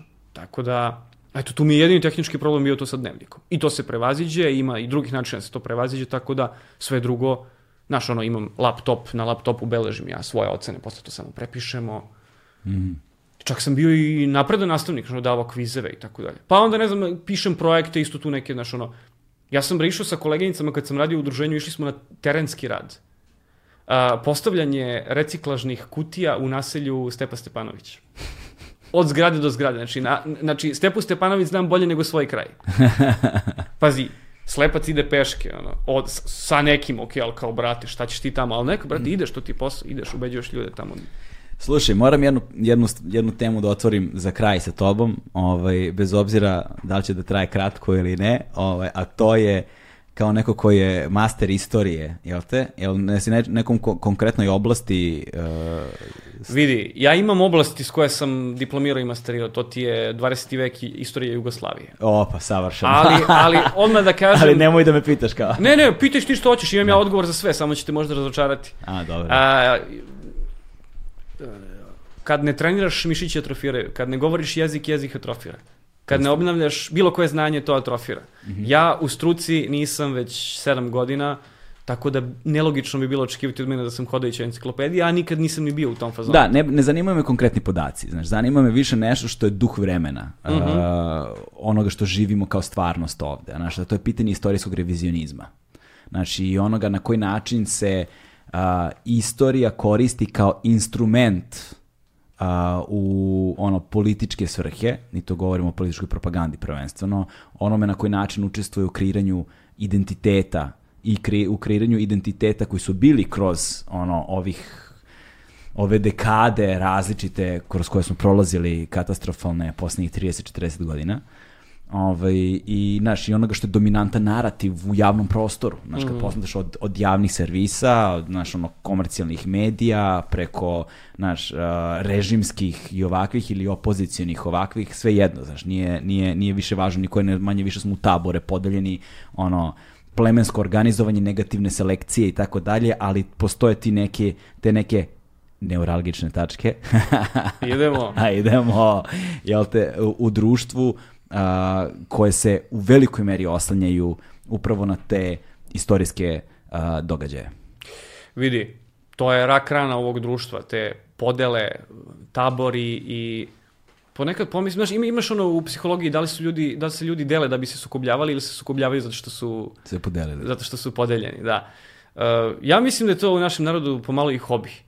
Znači ti kad pogledaš, e, mi istoričari to možemo bolje da vidimo od ostalih i da imamo nekako, da budemo malo relaksirani u tom smislu, mada koliko vidim, evo bila je i moja profesorka Dubravka ovde kod tebe gost. Tako je. I slušam uh, mog isto tako dragog profesora Kovića na nekim drugim medijima koji su u suprotnim taborima i koji dođeš do toga da se čak i ljudi u struci dele po taborima, zavisno od toga ko- ko- kojoj struji pripadaju, ali to je sve tužno, zato što ja sam siguran da su jedni i drugi patrioti za početak. Ajde, da pođemo odatle, dakle, od, od istorijske struke.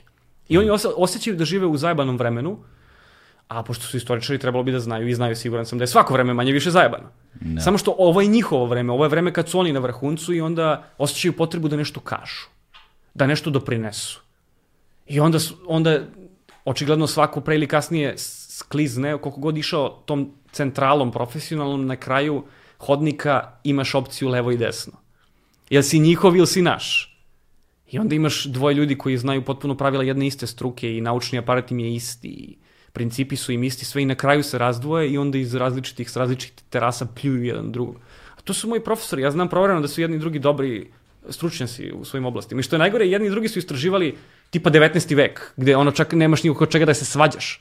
Gde istražuješ druge koji su se svađali u fazonu hladne glave, znaš. Da. A oko savremenih tema se oni sad padaju u vatru nešto, ono, luduju. Ja to skroz razumem. Znaš, i, imaš, imaš, imaš te, ovaj, ta naša podeljenost u Srbiji, na Balkanu generalno, sad, sad uzrokuje i, i imaš sad jedan novi moment na temu mi i njihovi, a to je ta medijska podeljenost, gde sad ti imaš situaciju da nekako, to je ono što se moje struke, ove komičarske tiče, imaš situaciju da, da su se nekako podelili svi komičari na ovoj strani pod velikim znacima navoda opozicionoj. Znaš, svi, sve moguće satirične emisije, emisije su u opozicionim medijima. A, a sve ove uh, nesatirične, jel kakve god, su na ovim kao prorežimskim medijima.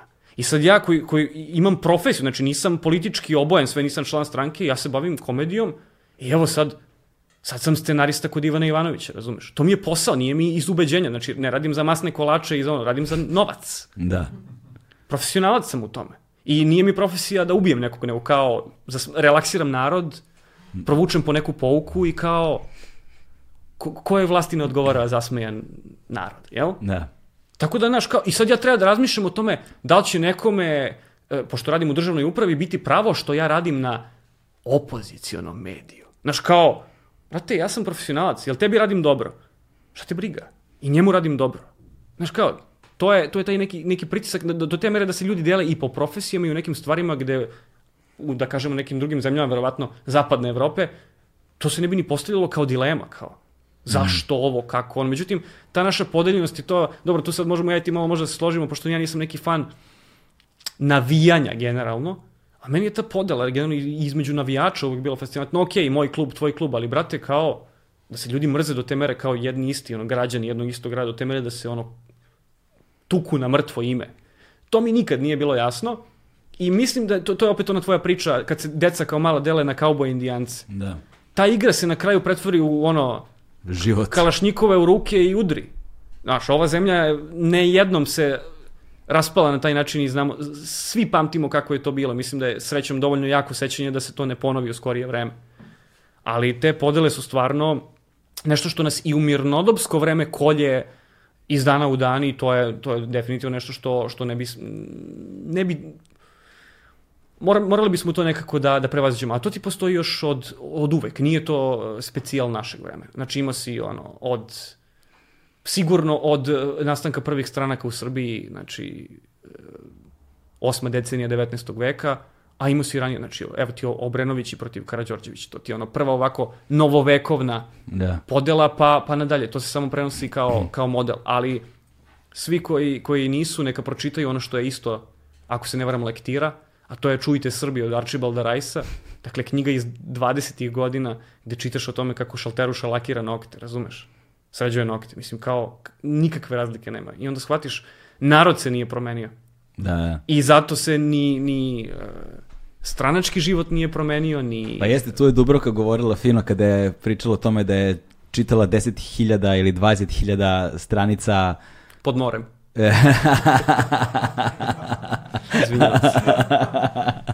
Ovaj, uh, stenografskih jel te dokumenta ono skupštinskih Skupštine, da. iz, iz skupština s kraja 19. veka gde ti vidiš zapravo da je to isto koji danas ono, znaš, ovaj ovog pljuvo, ovaj ovog gađo, ovaj ovog, znaš, samo su se... Da, da, da, da, sad je malo urednije, pošto, ovaj, pošto je, su malo se sinhronizovali sa, da, sa pričama, da, da. Pa, pa nema bar incidenata. Ali to jeste s jedne strane uh, odlika podneblja, možda i nekih socioekonomskih faktora u tom kontekstu. Ja se sećam, uh, jer to nije samo u istoriji, aj sad da se maknemo od istorije, znaš, da ne, da, da ne držimo ovaj, da se ne držimo u jednom... Da, da, ve, već, već su zaspali ovaj, ljudi. To. Da, da, znaš, da, ne, recimo, kod nas to stoji u muzici, znaš, bilo je barem godinama, u, ne znam, u svim da, da, da. Aspektima, aspektima kulture. Ja se sećam... Izdao si, izdao, izdao si hardcore, da, to je da, da, čuvena to, replika, to, je to. Da, to je to. Na, zato što, ovaj, um, Sećam se kada je Metallica došla kod nas, ko je to, 2004. ili Četvrta i 12. zavisi na koju misliš. Ne, prvi, prvi dolazak Četvrta. Metallica je, ono, prvi dolazak Metallica i to, prvi to, to. dolazak Metallica, znaš, da. to je... Drugi još čekamo i nadamo. ovaj, treći dolazak, da, da, da, to, treći to, to, dolazak Metallica. Ne, prvi dolazak Metalike je prvi dolazak Metalike. To je ono posebno. Da, da, da, jeste. I, ovaj, I sad svi smo tamo, naravno. Sećam se na pres konferenciji smo... Ja nisam bio, ali kao da sam bio. Na, Toliko se pričalo. Da, na pres konferenciji smo bili tamo i onda se, i, posle smo se fotkali. Ja bih hoćeš li volio da nađem te fotke, nemam pojma gde su mi. Ono sa Hatfieldom i to ekipom. Sećam se, u inter... posle su oni nakon pres konferencije su davali određenom broju medija intervjua jedan na jedan I znam da je, smo, i svi smo tu stajali kao u redu, samo poređali smo se kao ispred pekare za kifle, znaš, poređali smo se onda kao svako ima, ne znam, 3, 4, 5 pitanja i idemo na kovo na pokretnoj traci i sećam se da sam čuo nekoga od novinara koji je postavio het, da li Hatfield ili ne znam kome, kakav je osjećaj kad si na istoj listi, ne znam, ono, sa Britney Spears. Znaš, u nekom negativnom kontekstu, kao, znaš, ono, folk muzika, neka tamo pop uh, pevačica i kao jedna metalika, znaš. u- Da, njima je Britney Spears folk. ne folk, nego kao, mislim, folk, Britney, razumeš, i kao, znaš, vi kao, znaš, nešto što je kao, ne znam, na, ono, uslovno rečeno narodnjak, nešto što je trash i kao, ono, metalika, razumeš. Da su oni bili potpuno, nisu razumeli uopšte pitanje, znaš. Či uopšte, ti tačno vidiš zbunjenost u kontekstu, nisu, znaš, kao, brate, oni su prodali toliko, mi smo prodali toliko, znaš, kod njih je top lista isključivo tržišna. Objedinjena je davno, da. da, Da, objedinjen je davno, to je tržišna stvar, baš mi, kao odgovor je nešto bio, baš mi je drago zbog njih, super su, znaš, uspešni, talentovani ljudi, divni, bla, bla, bla, znaš, Da, u sebi se misli, ne, razu, ne razumem a, hajdemo odavde. Da, hajde, u sebi se misli, hajdemo odavde kako je ovo pitanje. To, to, Znaš, to. I tad sam ja možda prvi put uh, imao, ono, prvi put da ja se sad sećam, znaš, kao da sam imao svesno, ono, pomislio, pa da jebote, kao, kakva je to kretenska podela? Znaš, kod nas je opet bilo nešto veštački stvoreno, nametnuto ono što nazivaju prva Srbija, druga Srbija, pa sad nije bila samo politička podela, nego je i muzičko opredeljivanje bila politička podela. Znaš, i svako drugo kulturološko opredeljivanje je bila politička podela. Znaš, kod nas je svako opredeljivanje politička podela ili neki identitet koji gradiš kroz ovo sam ja, a ovo je ne ja. Znaš šta ja mislim, zašto je to tako? Evo, ja sam uvek mislio da je kad neko dođe u neki medijski onako izvor kao što je ovaj tvoj, da suštinski dosta zloupotrebljava prostor, jer kao moje privatno mišljenje nikog ne treba da zanima u oblastima koje nisu moja specijalnost. Ali ajde da kažemo ovako. Ali ajde, ovo je prostor u kojem nas zanima samo privatno To, mišljenje, to, u kojima to. nisi, nema To, to, to, to što manje znam, to je to nas više To je zanima, bolje. Da. Hoćemo još jedan Oscar Wildov. Jel može? Može, može. Najviše volim da pričam ni o čemu, jedino o tome sve znam. Da, da, bravo, bravo. Samo četvrti put u Agelastu. Tako To, je, to. i 75. To, to, ovaj... Znaš gde mislim da leži u našem narodu ovaj, problem, a i mislim da je to pomalo odlika svih ovih, da kažemo, južnjačkih naroda. Mhm. Ti kad se podeliš u grupe, prvo možeš da e, iskaljuješ e, ekstremne emocije, da se prazniš, a onda si posle prazan, ne, ne možeš da radiš. Znaš, nekako ispoljiš energiju kao, brate, ne mogu sad da stvaram nešto kreativno, zato sam se ispraznio, sad sam ono cool. Znači, iz ekstrema u ekstrem. Iz ono blame u ono eksplozija, srđbe i čega god. To je prva stvar. Druga, još bitnija stvar. Ti kad se podeliš u grupu, mi protiv njih, ti imaš vođu. Neko nas povede. I onda kad se mi pobijemo i kad ispadne šta uradi smo mi ovo, onda ko je kriv?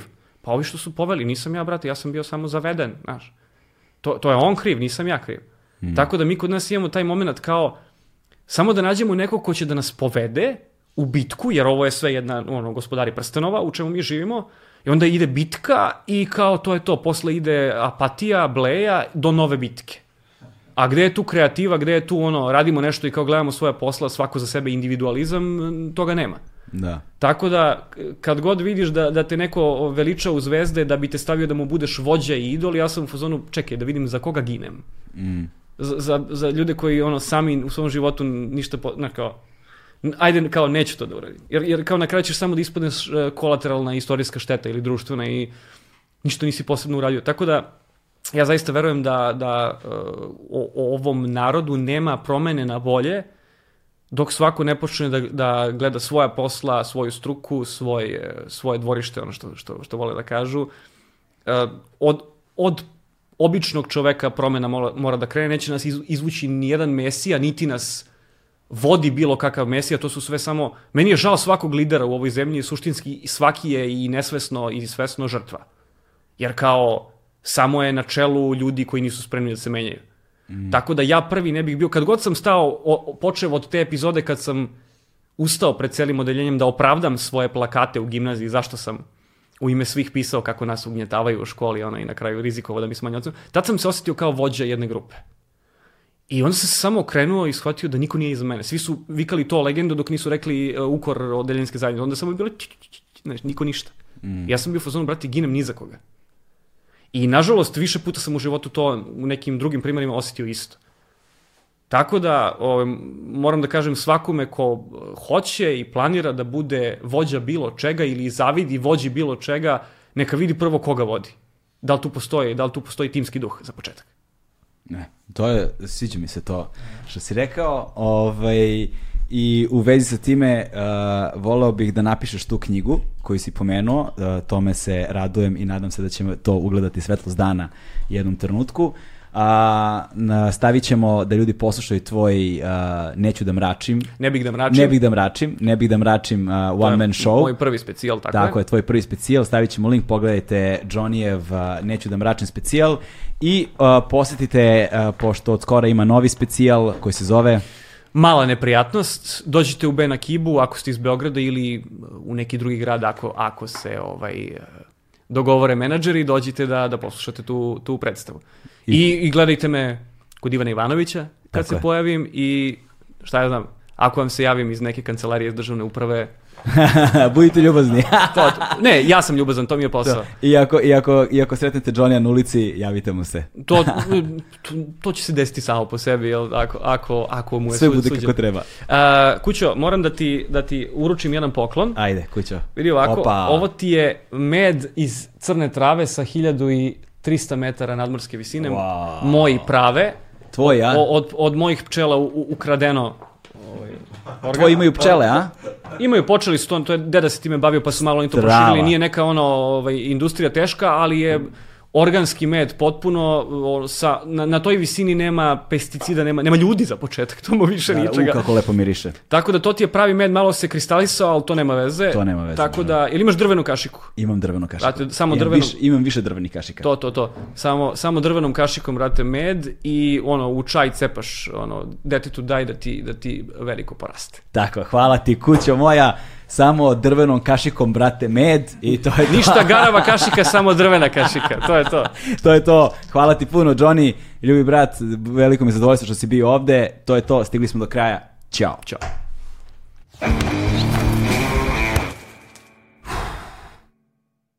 Hmm.